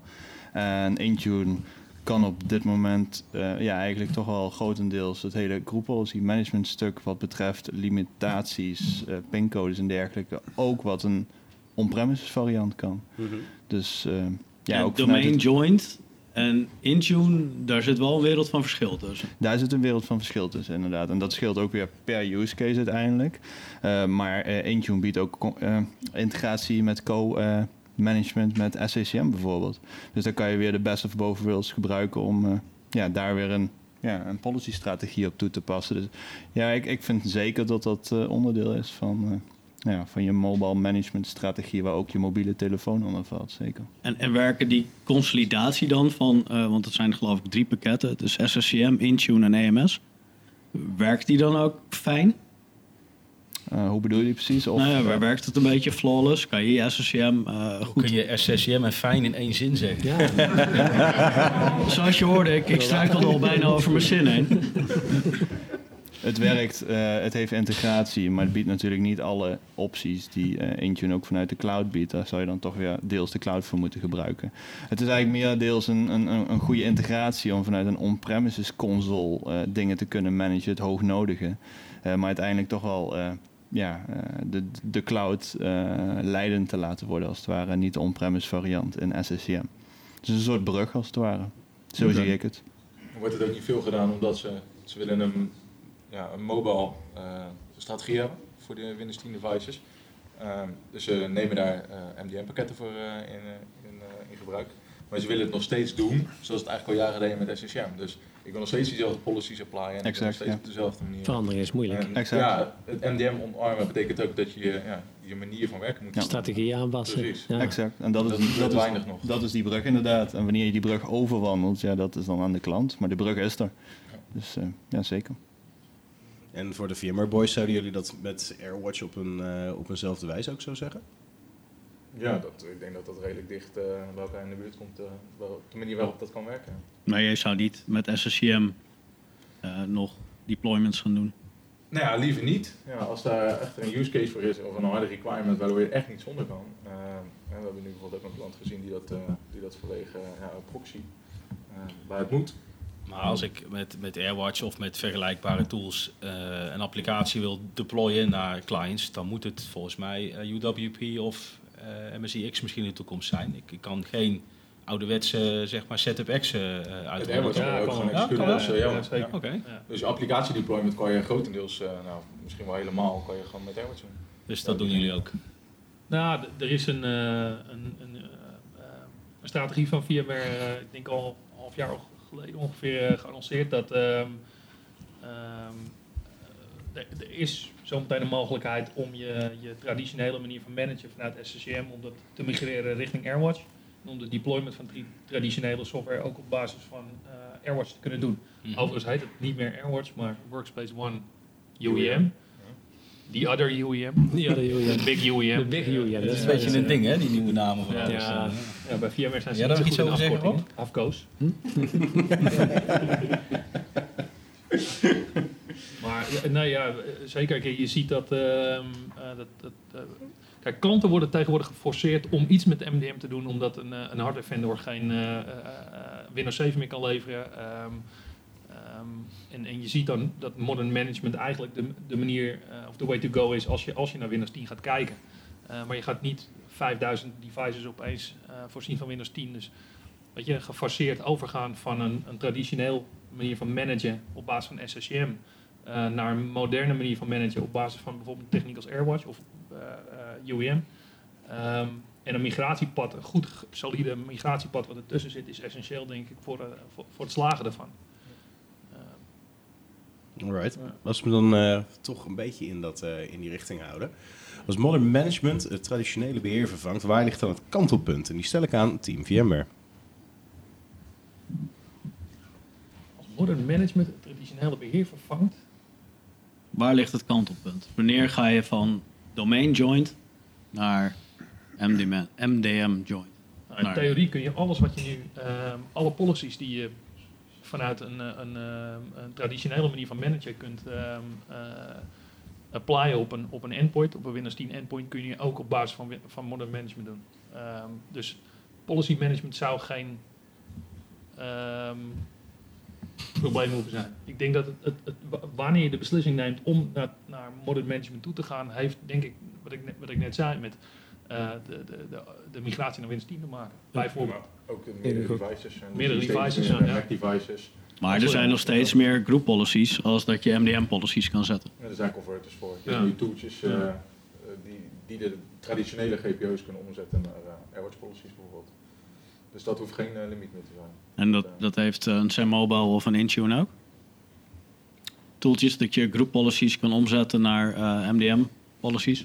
Dat heb ik niet te zeggen. Nou, ik Niet bij mij weten, op dit moment. Het is de vraag ook of, of je alle group policies over zou willen zetten. Nee, je hebt niet- niet- alles nodig eh, Al die ellende. aan regeltjes. Nee, Eh, precies. Het, eh, ik, ik denk ook vanuit een, eh, ja, een, een schoon eh, perspectief eh, dat je daar ja, toch de policies dan opnieuw kan eh, ja, inventariseren en bekijken welke policy is nog nodig, welke niet. Dus ik denk sowieso dat het beter is om schoon te beginnen. Nee, ik denk dat we inmiddels ook een punt bereikt hebben dat alle MDM policies sufficient zijn om het device of ja, het device te kunnen beheren. Ja, dat waren ze voorheen ook, voordat, eh, voordat die group policies geïmporteerd konden worden, konden, eh, werden ook eh, apparaten beheerd met MDM-oplossingen. En dat waren de policies die MDM-oplossingen konden bieden, waren ook voldoende. Ja. Dus ja, nu is er meer en is natuurlijk beter. Nee, maar ik, ik weet dat gro- de grote tegenhangers van het modern management het- ten opzichte van traditioneel, die roepen dan nog steeds, joh, maar er zijn nog steeds meer group policies als MDM policies. En het- vandaar ook de vraag, waar Hmm. ligt dan het kantelpunt? Wanneer, wanneer Ja. ga je over? En als het antwoord Windows 10 is, Ik denk dat Windows 10, ja, de me- meerdere devices en gewoon een andere manier van werken, dat, dat het kantelpunt is om, eh, om te gaan kijken naar, naar, naar, naar modern beheer. Nou ja, mobility heeft daar natuurlijk ook gewoon een heel eh, eh, sterke, ehm, sterke rol in. Want je wil je, je GPO's niet gaan zinken over een eh, remote, remote verbinding. Eh, laatst was Tony Krijnen, denk ik, had het Ja. erover in de uitzending. Eh, heeft hij natuurlijk gewoon een heel sterk punt. Ehm, als mobility steeds belangrijker eh, aspect wordt van je werk. ehm, en, en mobility dus eigenlijk ehm, eh, ja, letterlijk elke, elke locatie kan zijn, inclusief je thuislocatie. Ehm, dan, dan zul je wel moeten. Dan, dan moet je denk ik van die traditionele manier van, van, van beheren af. Ik denk dat het misschien daar ook al een beetje op neerkomt en dat dat steeds de conclusie is waar we terugkomen. Ehm, kijk, voor echte mobile devices, hè, zoals de telefoon die we overal mee naartoe sjouwen, ehm, die wil je niet laten zinken en policies krijgen via een of ander apparaat wat bij jou on-premises staat en waar ik eerst een VPN voor moet starten. Eh, dus cloud-gebaseerde oplossingen, perfect. Want waar ik ook ben, ik heb altijd wel ergens connectie en dan krijg ik alles binnen, eh, policy settings, data, e-mail, eh, heel de bende. Daarnaast heb ik gewoon apparaten die meestal bij mij op kantoor staan, bij een vaste PC bijvoorbeeld. Eh, en die manage ik het beste met een oplossing die daarvoor gemaakt is. En eigenlijk zien we nu eh, dat er een soort wens bestaat om een uniforme oplossing te hebben die het allebei kan. En dan zien we eigenlijk dat we een rondje en een vierkantje hebben. En dat we proberen of het rondje het vierkantje te doen of andersom. Want de cloud ontworpen oplossing die werkt eigenlijk niet helemaal perfect on-premises. En andersom ook niet. Dus waar ligt dan het kantelpunt? Ik denk eh, zeg maar, waar je er het meeste van hebt. Dus als je nu een hele grote SCCM-omgeving hebt, of je daar nou eh, niet blij mee bent of niet blij mee bent. ehm, maar je kan daar wel eh, eh, AirWatch of zijn mobile of Intune tegenaan gaan zetten, maar je gaat functionaliteit missen. Dus tenzij je je manier van werken aanpast aan, aan die cloud manier van werken, moet je volgens mij voorlopig maar gewoon bij SCCM blijven. En misschien merk je over vijf jaar wel dat je eh, eh, nog maar 10% eh, Windows desktops op kantoor hebt staan. En dat die 90% mobile devices zijn die in een cloud-gebaseerde oplossing prima gemanaged kunnen worden. Is dat dan ook het groot, de grootste uitdaging wanneer we een move naar modern management gaan proberen te maken? Dat we te veel proberen om het on-premise gedeelte in de nieuwe mo- moderne gedachten proberen te duwen? En vice versa. Ja. Eh, Ik denk dat dat de uitdaging is, zeg maar. Want die cloud-oplossing, eh, die werkt echt wel. Die doet echt wat die moet doen. Eh, en volgens mij, als je de verschillende producten bekijkt, voldoen ze in ieder geval allemaal aan, aan de basisbehoeftes. En ze hebben echt wel allemaal hun sterke en zwakkere punten. Ehm, maar het blijft rondje en vierkantje. Dus als je zegt, ik wil nu al al mijn endpoints met mobile management gaan beheren, dan ga je gewoon heel veel missen. En hoe doe je dat virtueel? Want virtueel heb je toch vaak met eh, domain joint devices te maken. Dan blijf je op het traditionele. Ja, kijk, ehm, in mijn optiek, als je eh, virtuele desktops met SCCM managt, dan, eh, eh, nou, ik zou het zelf anders doen, laat ik het dan heel netjes zeggen. Ehm, dus daar zijn we heel erg gewend eh, in die digitommerde desktop en dat stateless image te werken. Ehm, ik weet niet of dat voor de toekomst zo gaat blijven. Eh, eh, eh, wij zijn natuurlijk als IT'ers gewend, beste gebruiker, hier heb jij een desktop waar je eigenlijk helemaal niks mee kan, behalve wat wij bedacht hebben dat je ermee moet kunnen. Ja, ik zou er zelf als gebruiker, zou ik een beetje rebels van worden, misschien wel. Aan de andere kant wil je Misschien dingen op omdat schaal jij aan de managen, heb je dan keus. Nou, maar we hebben een ander soort gebruiker. Hè? Ja. Iemand die gewoon een ta- echt een taskworker is, die, ja, die heeft in principe daar, die zet een applicatie. Nou, nou is Remco sowieso afwijken, want die schijnt eh autoradio's te hebben gehackt om eh, extra functionaliteit eruit te halen. Doet, doet niet iedereen dat dan? Ja, nou, dat schijnt niet. Ik denk dat het wel andersom trouwens wel zou kunnen dat je virtuele desktops, als ze persistent zijn, wel in een modern management manier zou kunnen beheren. is persistent, Dus data persistent. Ja. Dat je dan eh, ja, data binnenkrijgt, je kan applicaties distribueren, je kan policies applyen. Ja, ik denk dat het op die manier... Heb je die situatie al eens, eh, ben je die al eens tegengekomen? Of ontworpen? Ja. Ja, ik heb wel gezien waar het zou kunnen, maar dit- op dit moment eh, zie ik dat nog niet heel veel gebeuren.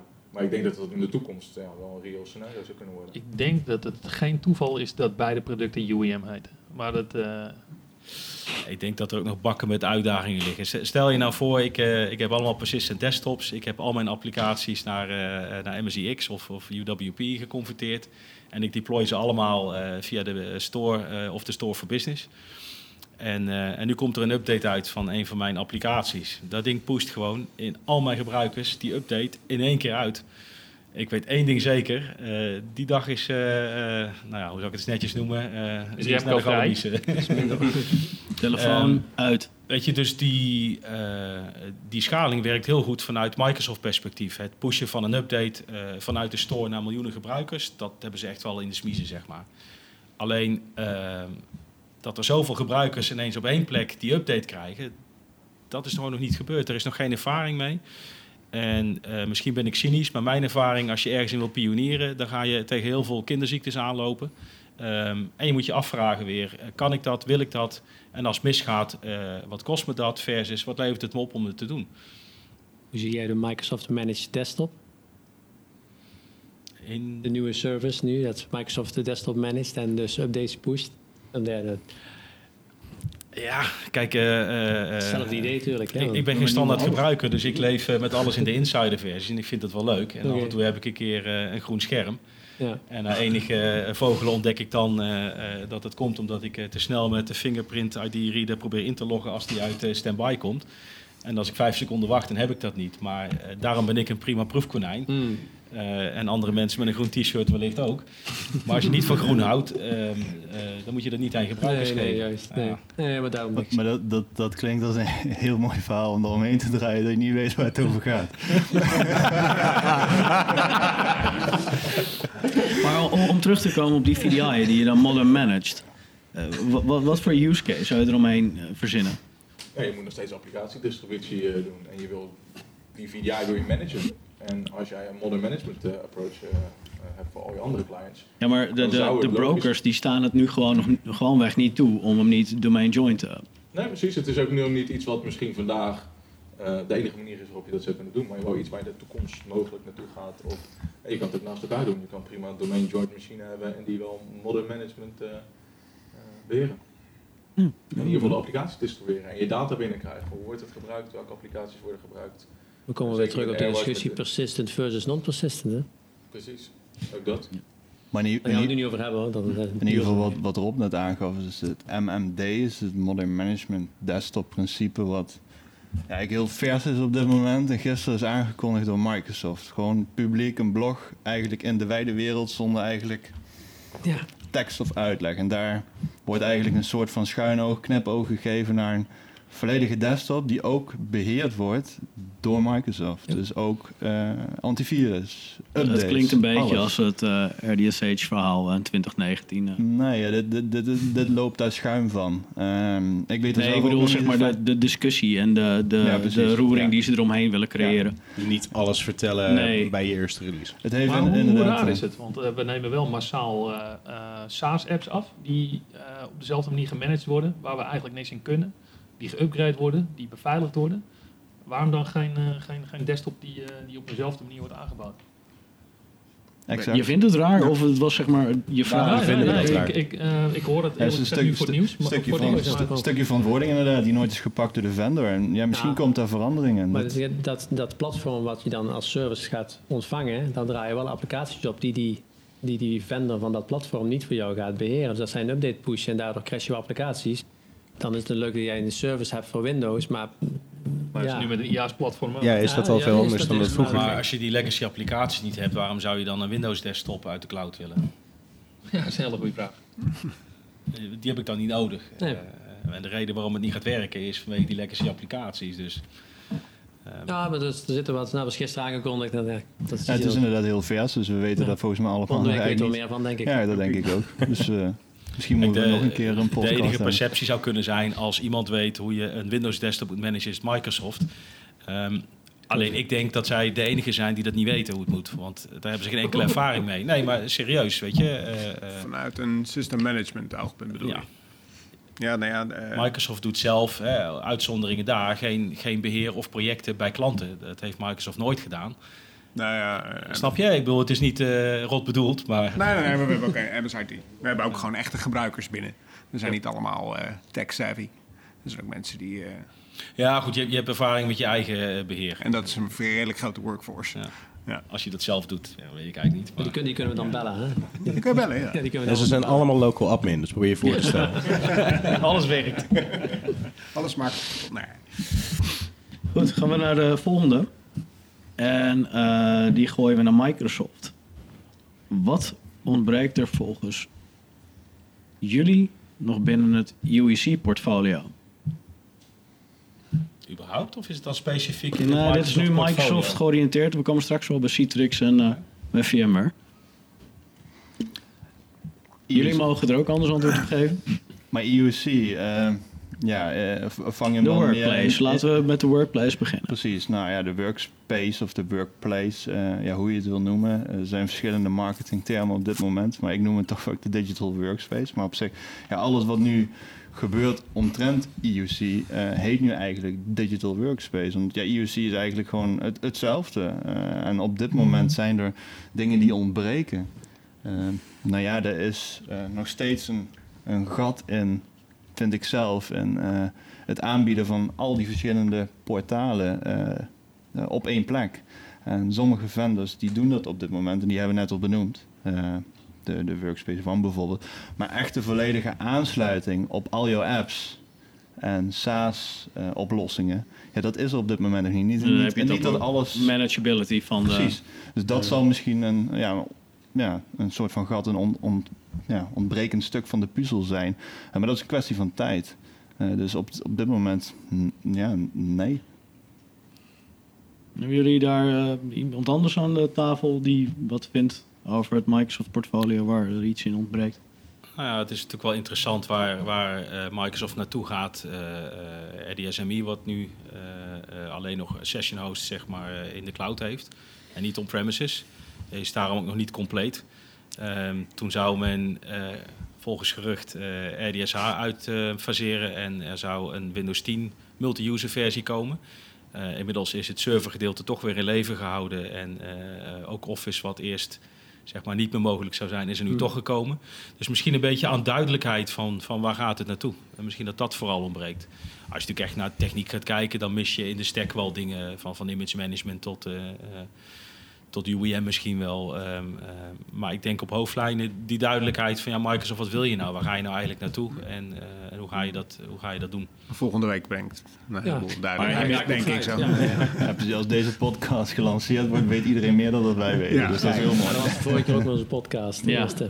Ja, dat is... eh, Ja, fun fact hier van eh, Rob hebben we inderdaad naar voren moeten schuiven, omdat toen eh, de RDMI-bom aan het barsten was. ja, de RDSA-bom in 2019. Exact, exact. Maar oké, maar ehm, als we hem dan, want we hebben nu heel erg gefocust op Microsoft, als we hem naar eh, jullie eigen teams trekken, eh, heren van Citrix en VMware. Nou, laten we bij één beginnen.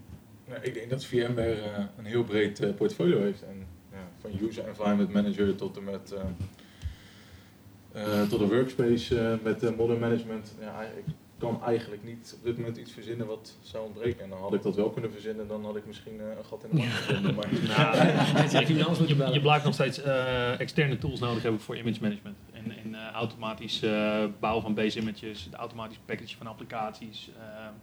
daar, daar zijn geen tools van VMware nog voor beschikbaar.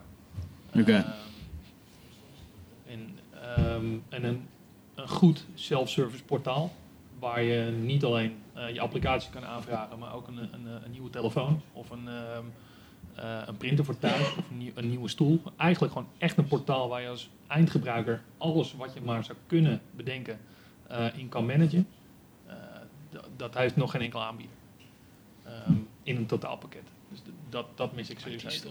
En de, I- de IT-store van RES was... eh, ja, maar die, Ja. weet je, je kan zeggen wat je wil. Ja. Die waren echt Die vooruitstrevend. waren toen de vooruitstrevend, ja, ja, zeker. Die hadden een product gemaakt wat, eh, wat, wat, wat serieus goed werkte. Ehm, ja, door eh, het niet geloven in, een, in modern management eh, zijn zij denk ik eh beland waar ze nu zijn. Ehm, Mhm.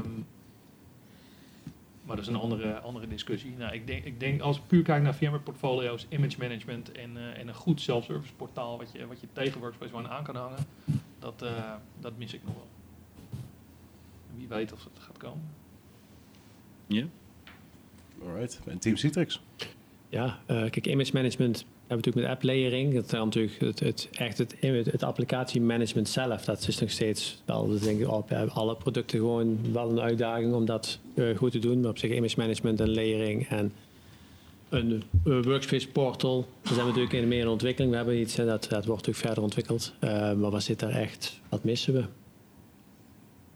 Ik vind het moet verder volwassen worden. Heel veel zaken. Dat is eigenlijk, nou, dat zie je ook met het management van applicaties en zo. Dat is eigenlijk hetgeen wat ik in de EUC-portfolio algemeen gewoon mis. We kunnen van alles. Maar applicaties blijft eigenlijk altijd het struikelblok waar we overal tegenaan lopen. Want ja, hoe, die vallen niet uit de lucht, zeg maar. Ook daar geldt een beetje richting kiezen. Hè. We zijn van eh, eh, personal disk naar eh appdisk naar Dus, eh, ehm, eh, Unidesk. Ja. Ehm, weet je, en je zal als klant maar helemaal in al, met al die drie die dingen meegegaan eh, zijn. Weet je. Dus je moet als vendor, eh, wie dat dan ook is, moet je heel duidelijk zijn in, in wat je wil en waar jouw klanten in moeten eh, investeren en voor gaan. Je kunt niet ieder jaar iets nieuws en iets Nee, beters doen. Ehm, dus ik denk dat, weet je. ehm, als ik naar de hele tafel kijk, weet je, een aantal jaar geleden had ik bij wijze van spreken geroepen, ah, Horizon, VMware, weet je, dat, dat mist zoveel. Kan ik inmiddels niet roepen, weet je. Eh, het is compleet, het doet wat het moet doen. Zitten daar verschillen in? Tuurlijk. Eh, eh, zijn er dingen waarin Citrix het verst is? Denk ik ook. Maar ik denk ook dat, dat die twee producten voor het gros van de klanten gewoon meer dan volstaan. Ehm, en dat het belangrijkste is dat je ze ja. op de juiste manier inricht. Dan maak ik nog maar even een plug voor iemand die daar een goed boek over geschreven heeft. Maar je kunt natuurlijk het beste product kopen, maar als je het slecht inricht, dan wordt het nooit wat. En we hebben het altijd over gebruikers en hun ervaring. Daar heeft volgens mij ook niemand hier aan de tafel eh, een oplossing voor. Hoe meet je die echt? Wat is de perceptie? Hoe kwantificeer je die? Dat is het allermoeilijkste. Volgens mij eh, is, is- zou dat een gat in de markt zijn. Maar volgens mij proberen we dat al jaren ook met verschillende producten. Ja. Elk product wat het, wat, eh, als je een product hebt wat dat voor jou uitvoert, dan is dat toch een model wat automatisch draait. Het is niet de gebruiker zelf die het uitvoert. En dat, ja, hoe kun je dat meten? Ik denk wel dat we daar heel veel eh, eh, van terug gaan zien als ML en AI technieken gebruikt gaan worden. Eh, kijk, gebruikerservaring blijft lastig in de zin, ehm, als ik op eh, open een document klik, dan klik ik op een knopje en ik verwacht eigenlijk dat dat knopje meteen iets doet dat verandert van vorm en dat geeft mij eh, als gebruiker de bevestiging, de klik is gelukt en nu gaat er iets gebeuren. Vervolgens krijg ik een listing van al mijn files en folders en eigenlijk verwacht ik stiekem wel dat het een paar telletjes duurt, dus dat vind ik ook niet zo erg. Ehm, Als je dus maar laat als je al iets moet gaan meten, dan moet je al onderscheid in dat soort dingen maken. Het tweede is, eh, als iets altijd 10 seconden duurt eh, en nu duurt het 20, dan is 20 misschien nog steeds snel genoeg. Alleen omdat het altijd 10 duurt, vind ik 20 langzaam. Dus als ik als gebruiker een melding zou krijgen, we hebben geconstateerd dat er vandaag een, een minder goede performance is dan anders.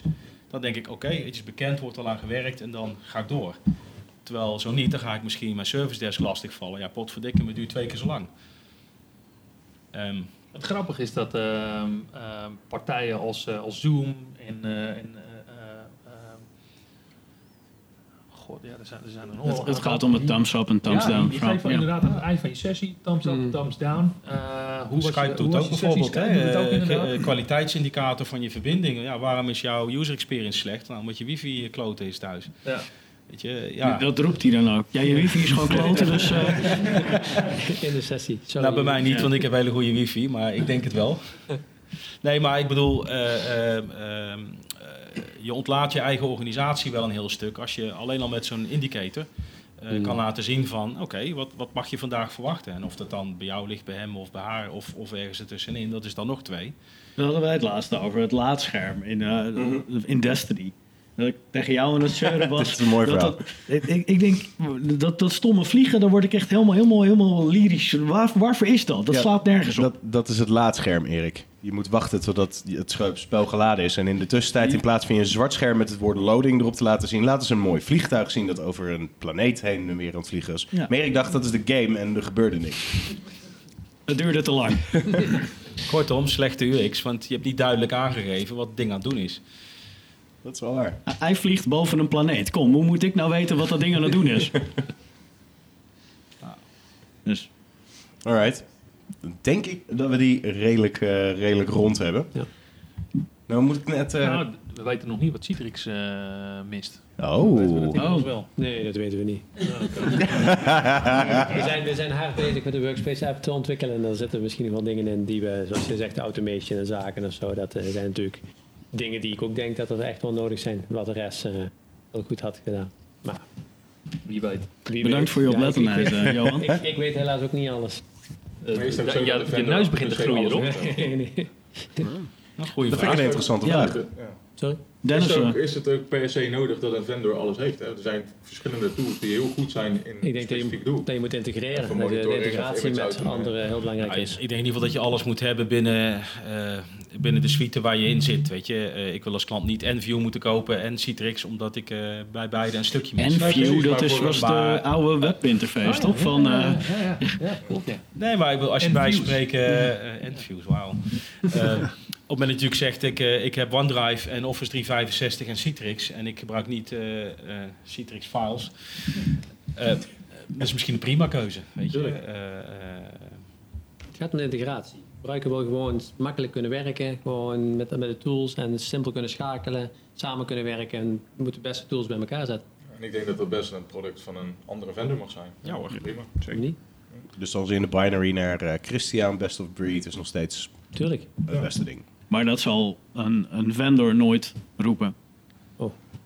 Nou, dat weet ik niet, anders had het maar Nou, weet je, vendor gaat denk ik uit eh, van het principe... eh, iedere euro die ze bij een ander uitgeven, kunnen ze die bij mij uitgeven. Ik, ben- Ja, Het is heel, even heel zwart-wit, hè, maar... eh, eh, als vendor kun je niet alles, alles perfect of alles hebben. Dus je gaat gewoon kijken, we zijn er in andere producten. Wij werken ook vaak samen met Avis Logics of met Nutanix. Of, dat zijn gewoon dingen die wij niet kunnen bieden. Nou, dan, dan, dan is daar een andere leverancier die het wel biedt. En dan wij zijn techneuten, dus wij zijn eerlijk. Welk, welk je bedrijf, hebt ook welk mensen die dingen verkopen en die dat mogelijkerwijs niet altijd zijn. Ja, maar op welk bedrijf zijn nou net als eerst? maar in ieder geval, eh, ja, daarom, daarom zitten we hier natuurlijk ook met, eh, met de drie grote eh, ja, vendoren om tafel natuurlijk. Omdat Microsoft natuurlijk niet alles kan. En daarom is Citrix en VMware er. Zo kan Voor je een VDI-propositie. Ja, Oh, Nou ja, Alle- VI, Modern Management, ehm, roaming profiles. Microsoft had ooit een, eh, een VDI-concept. dat eh, heette MatV. Ooit, ooit wat mee gedaan? Ja. maar in ieder geval roaming profiles om daarop in te haken. Ja, Nee, nee, wie nee. gebruikt dat nog? Ja, Ja, ja, ik kom genoeg Nou. thuis. ja, ja. helaas. eh, Het, het, eh, wel grappige anekdote, want eh, toen ik een paar jaar geleden bij eh, Atlantis begon, was mijn wereld eh, heel erg Citrix waar ik vandaan kwam. En in één keer kwam ik ook bij heel veel VMware klanten. En één ding wat mij toen opviel, dat is een aantal jaar geleden, is dat waar Citrix klanten dat kunstje al heel lang deden en best wel prima door hadden hoe ze naast die hypervisor ook de desktop image applicaties en al dat soort dingen moesten inrichten. Eh 9 van de 10 keer bij een VMware desktop logde ik in de eerste keer welkom bij Adobe Reader. Dan logde je nog een keer in welkom bij Adobe Reader. Eh, en dan klik je nog een keer verder en dan krijg je eerst nog 25 updates. Eh, dus het, het kunstje IOC is meer dan alleen maar de infrastructuur en de producten installeren. Eh, het bouwen van een goed image, dat is echt een vak.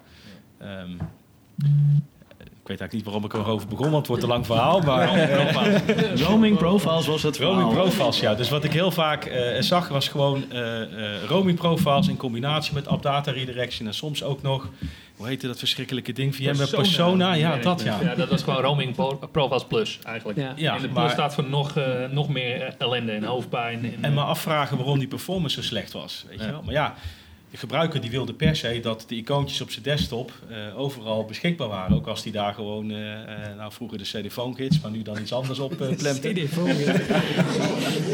Ik heb nog een paar cd's in de kast liggen. Nu gaan we terug in de tijd hoor, eh, hierbij. Lekker dit. Maar eh, ehm, ja, het is een kunst. En roaming profiles, dat is iets eh, dat, dat is bijna net zo erg als app data redirection. Ehm, gelukkig zijn er partijen in de markt die daar oplossingen voor hebben. Ja, precies. Eh, ik, ken, ik ken er toevallig zo een. Uh, Logics. Maar in ieder geval, eh, de benadering vanuit eh, een, roaming profile en Office 365 product op een non-persistent omgeving, eh, ja, is vanuit de techniek, vanuit Microsoft nooit benaderd eh, ja, vanuit een, een VDI non-persistent perspectief. Dus er zijn eigenlijk nooit echt tools geleverd vanuit Microsoft om dat ja, Maar te ze ontwikkelden wel roaming profiles. Ja, dat leven En wel. vanuit die gedachtegoed hadden ze best wel iets met... eh, ze hebben natuurlijk UEV, maar dat, ja. dat is, is, is maar een, een gescraped product. Een restproduct eigenlijk, wat ze Ja, daarvoor hebben ingezet. dan, maar dan kom je eigenlijk op een stuk waar de vendor meestal 70% doet en eh, de rest 30% en het probleem oplost. En ja, bijvoorbeeld met virtual hard drives technologieën en, en mounting technologieën op basis van filter drivers kan je dat toch omzeilen. En het, het personal video stuk wat nu eigenlijk door Citrix is ge, ge- ja, uitgefaseerd, is wat niet meer profile wordt. disks? Die had je ook toch ooit eens eh, onder Microsoft? Bestaat nog steeds. ja, Ja, eh, bestaat nog steeds. Eh, echter eh, werkt dat op een, een symbolic link eh, principe, eh, junction points. En als je op die techniek werkt, zal je nooit OneDrive, SharePoint of Microsoft Teams op een non-persistent omgeving kunnen ondersteunen. Eh, dus, dus daar zit wel een ja, kleine nalatigheid in eh, ten opzichte van de adoptie van Office 365. Ik denk dat de focus van Microsoft er nooit van VDI Nee, precies. en de Nee, precies. omgeving is Nee, geweest. dat is En dat, is, en dat is nu wel wat meer met RDMI en eh, ja, is dat, dat, ja. dat- dat- daar gaat de focus wel wat meer naartoe. Richting het subscriptiemodel waar, waar alles in zit.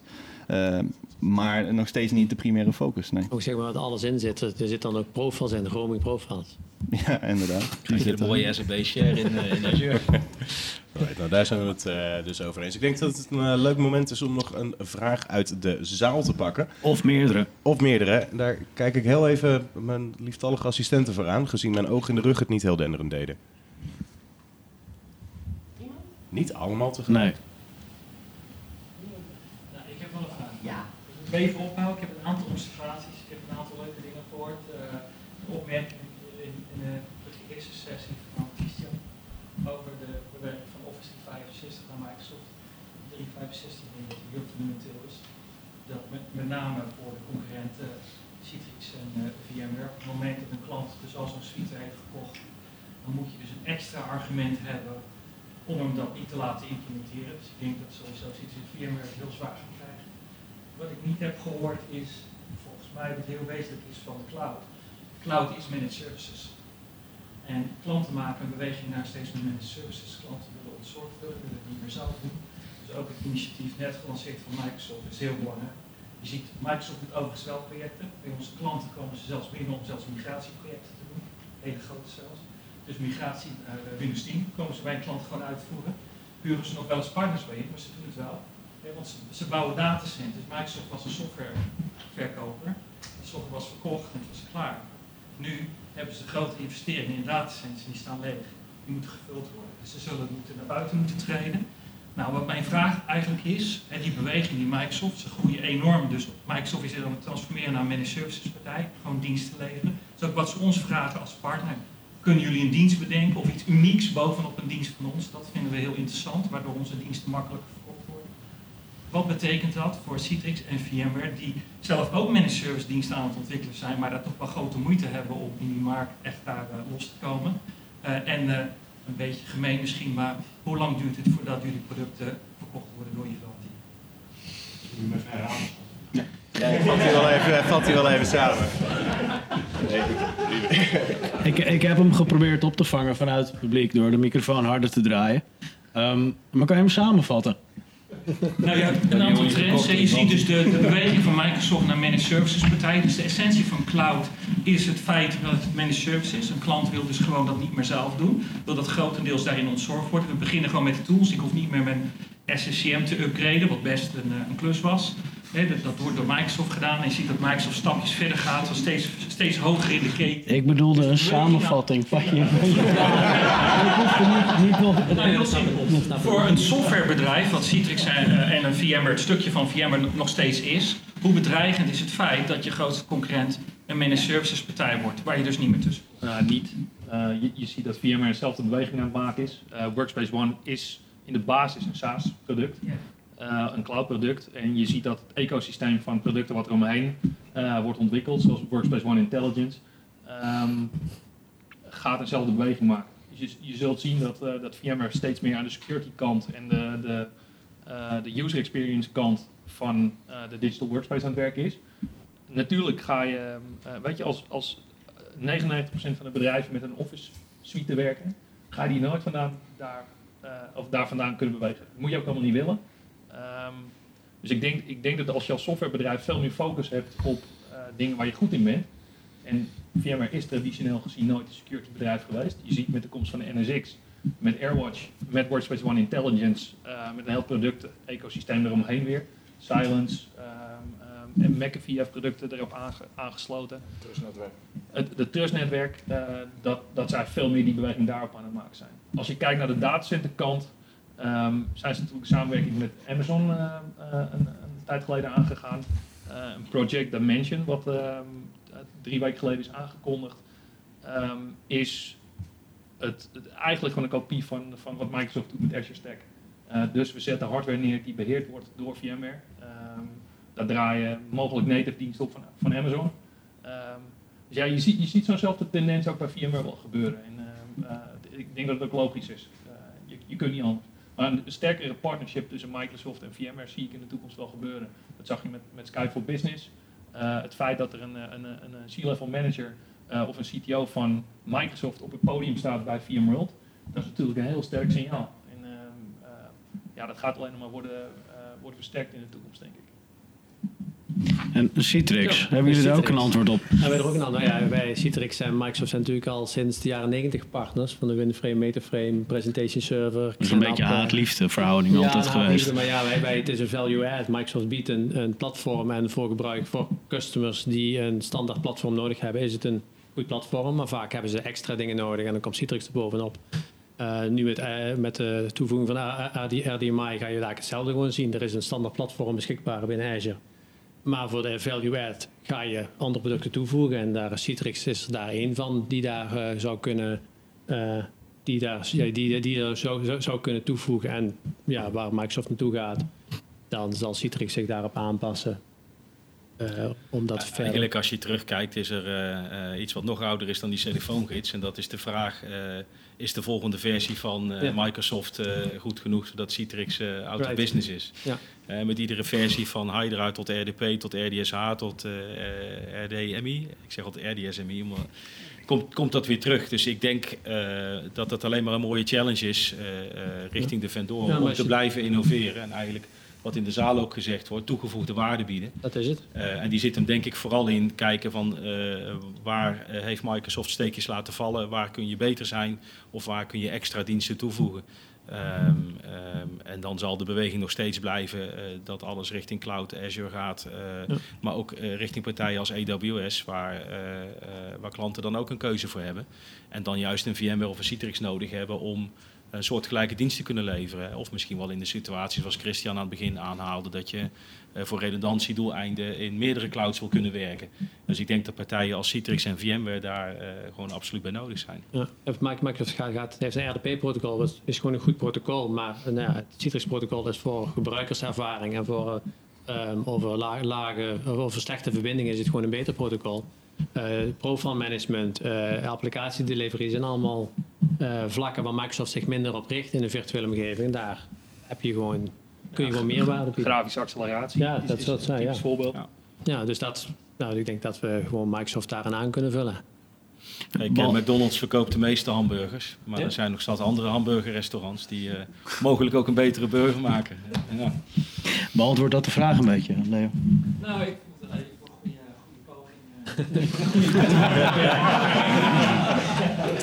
nou, mooi dat de hitte er een beetje vanaf is en het stof weer uh, doet, uh, doet, doet, doet warrelen.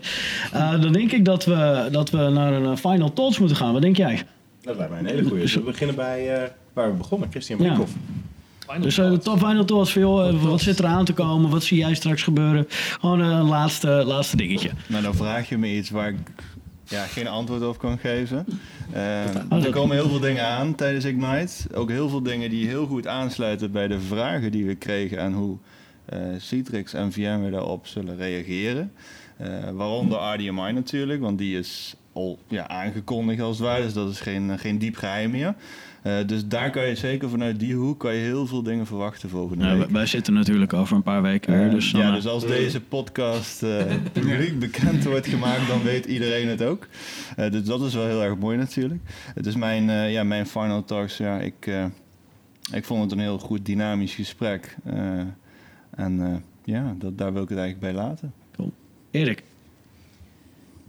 Ja, het is moeilijk als iemand eh, al het gras voor je voet, voeten wegmaakt. Teamgenoten, hè? Ja, het is een groene shirt, hè? Dus zitten. dat... eh, Maar eh, ik ben het wel eens met... eh, het, is, het is leuk om in, dit, eh, eh, in deze samenstelling een keer eh, elkaar in de popjes van de ogen te kunnen kijken. En eh, eh, ik, vond, ik, vond het, eh, ik vond het erg leuk. cool. Ja. Ja, voor mij gaat dat hetzelfde. En eh, ja, ik ben geen VMware eh, personeel, dus eh, ik praat ja, vanuit wat, wat ik persoonlijk denk dat er gaat gebeuren. En dan zie ik een move naar Internet of Things, dat dat steeds belangrijk, eh, belangrijk gaat worden. Eh, intelligence, dus we willen weten... Machine learning. Precies, ja. hoe, maar ook gewoon intelligence, mobile devices, hoe worden ze gebruikt. Het trustnetwerk, wat daar dan uiteindelijk onderdeel van is. Als er een virus uitbreekt, dat je met partners het snel herkent en dan weet, weet op te lossen met automation. Ik denk dat dat een eh, heel groot deel eh, eh, gaat worden van wat we straks moeten gaan doen. En ja, ik denk dat het een hele leuke tijd gaat. Het gaat super snel. EUC is zo gaaf. Het is eh, heel gaaf. What a time to be alive, hè? Ja. Exactly.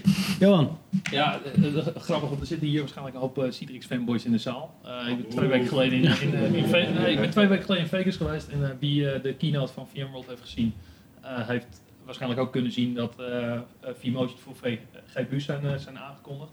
Eh, dan zul je waarschijnlijk al zeggen, ja, maar dat hebben we al jaren of dat hebben we al maanden of wat. Maanden.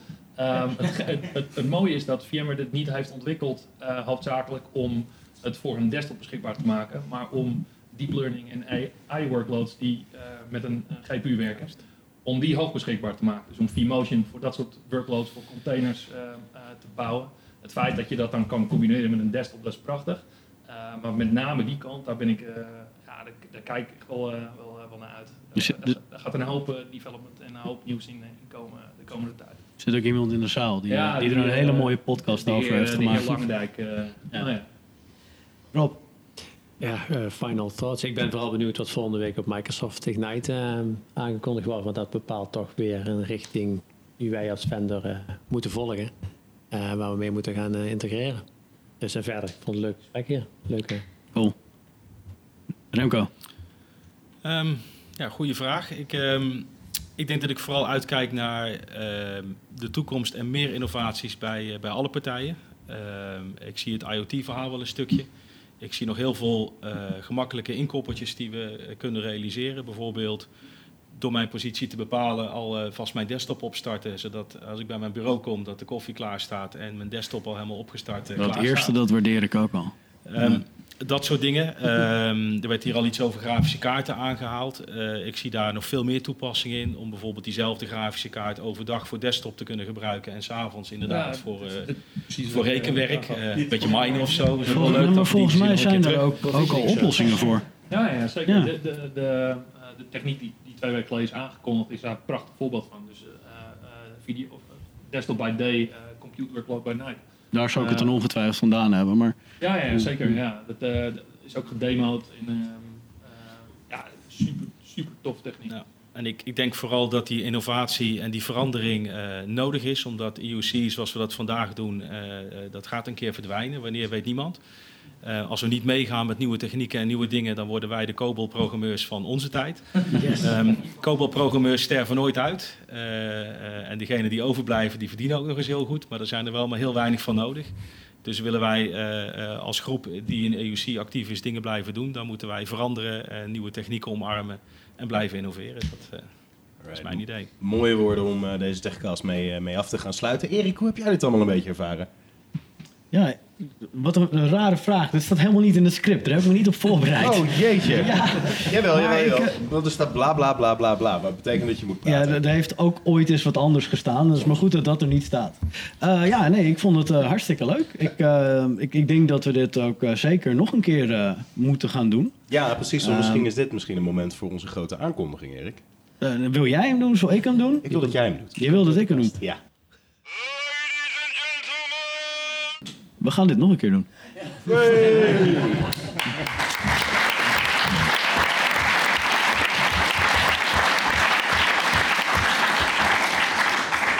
Alright, nou wil je ondertussen op de hoogte blijven, volg dan natuurlijk Login Techcast op alle social kanalen. We hebben een Instagram, een Twitter, een YouTube. Je weet ons zo gek niet, eh, niet te vinden. En natuurlijk is het een tweewekelijkse show op podcast, eh, diensten van de wereld, iTunes, Soundcloud.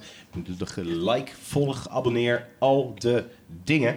Eh, en ondertussen wil ik natuurlijk ook nog wel even een lijstje rondgaan van de mensen waar we jullie kunnen vinden. Want mij vind je natuurlijk onder Edson Noordijk op alle sociale kanalen. Ik doe mee overigens. eh. Jij doet daar aan mee? Onder mijn eigen naam. Onder je eigen naam, dat Ja, is wel zo dezelfde grap die ik altijd maak, maar Ja. ik doe gewoon mee. Hij blijft ook goed. Je moet er Ja. al net zo lang mee doorgaan totdat hij weer leuk wordt.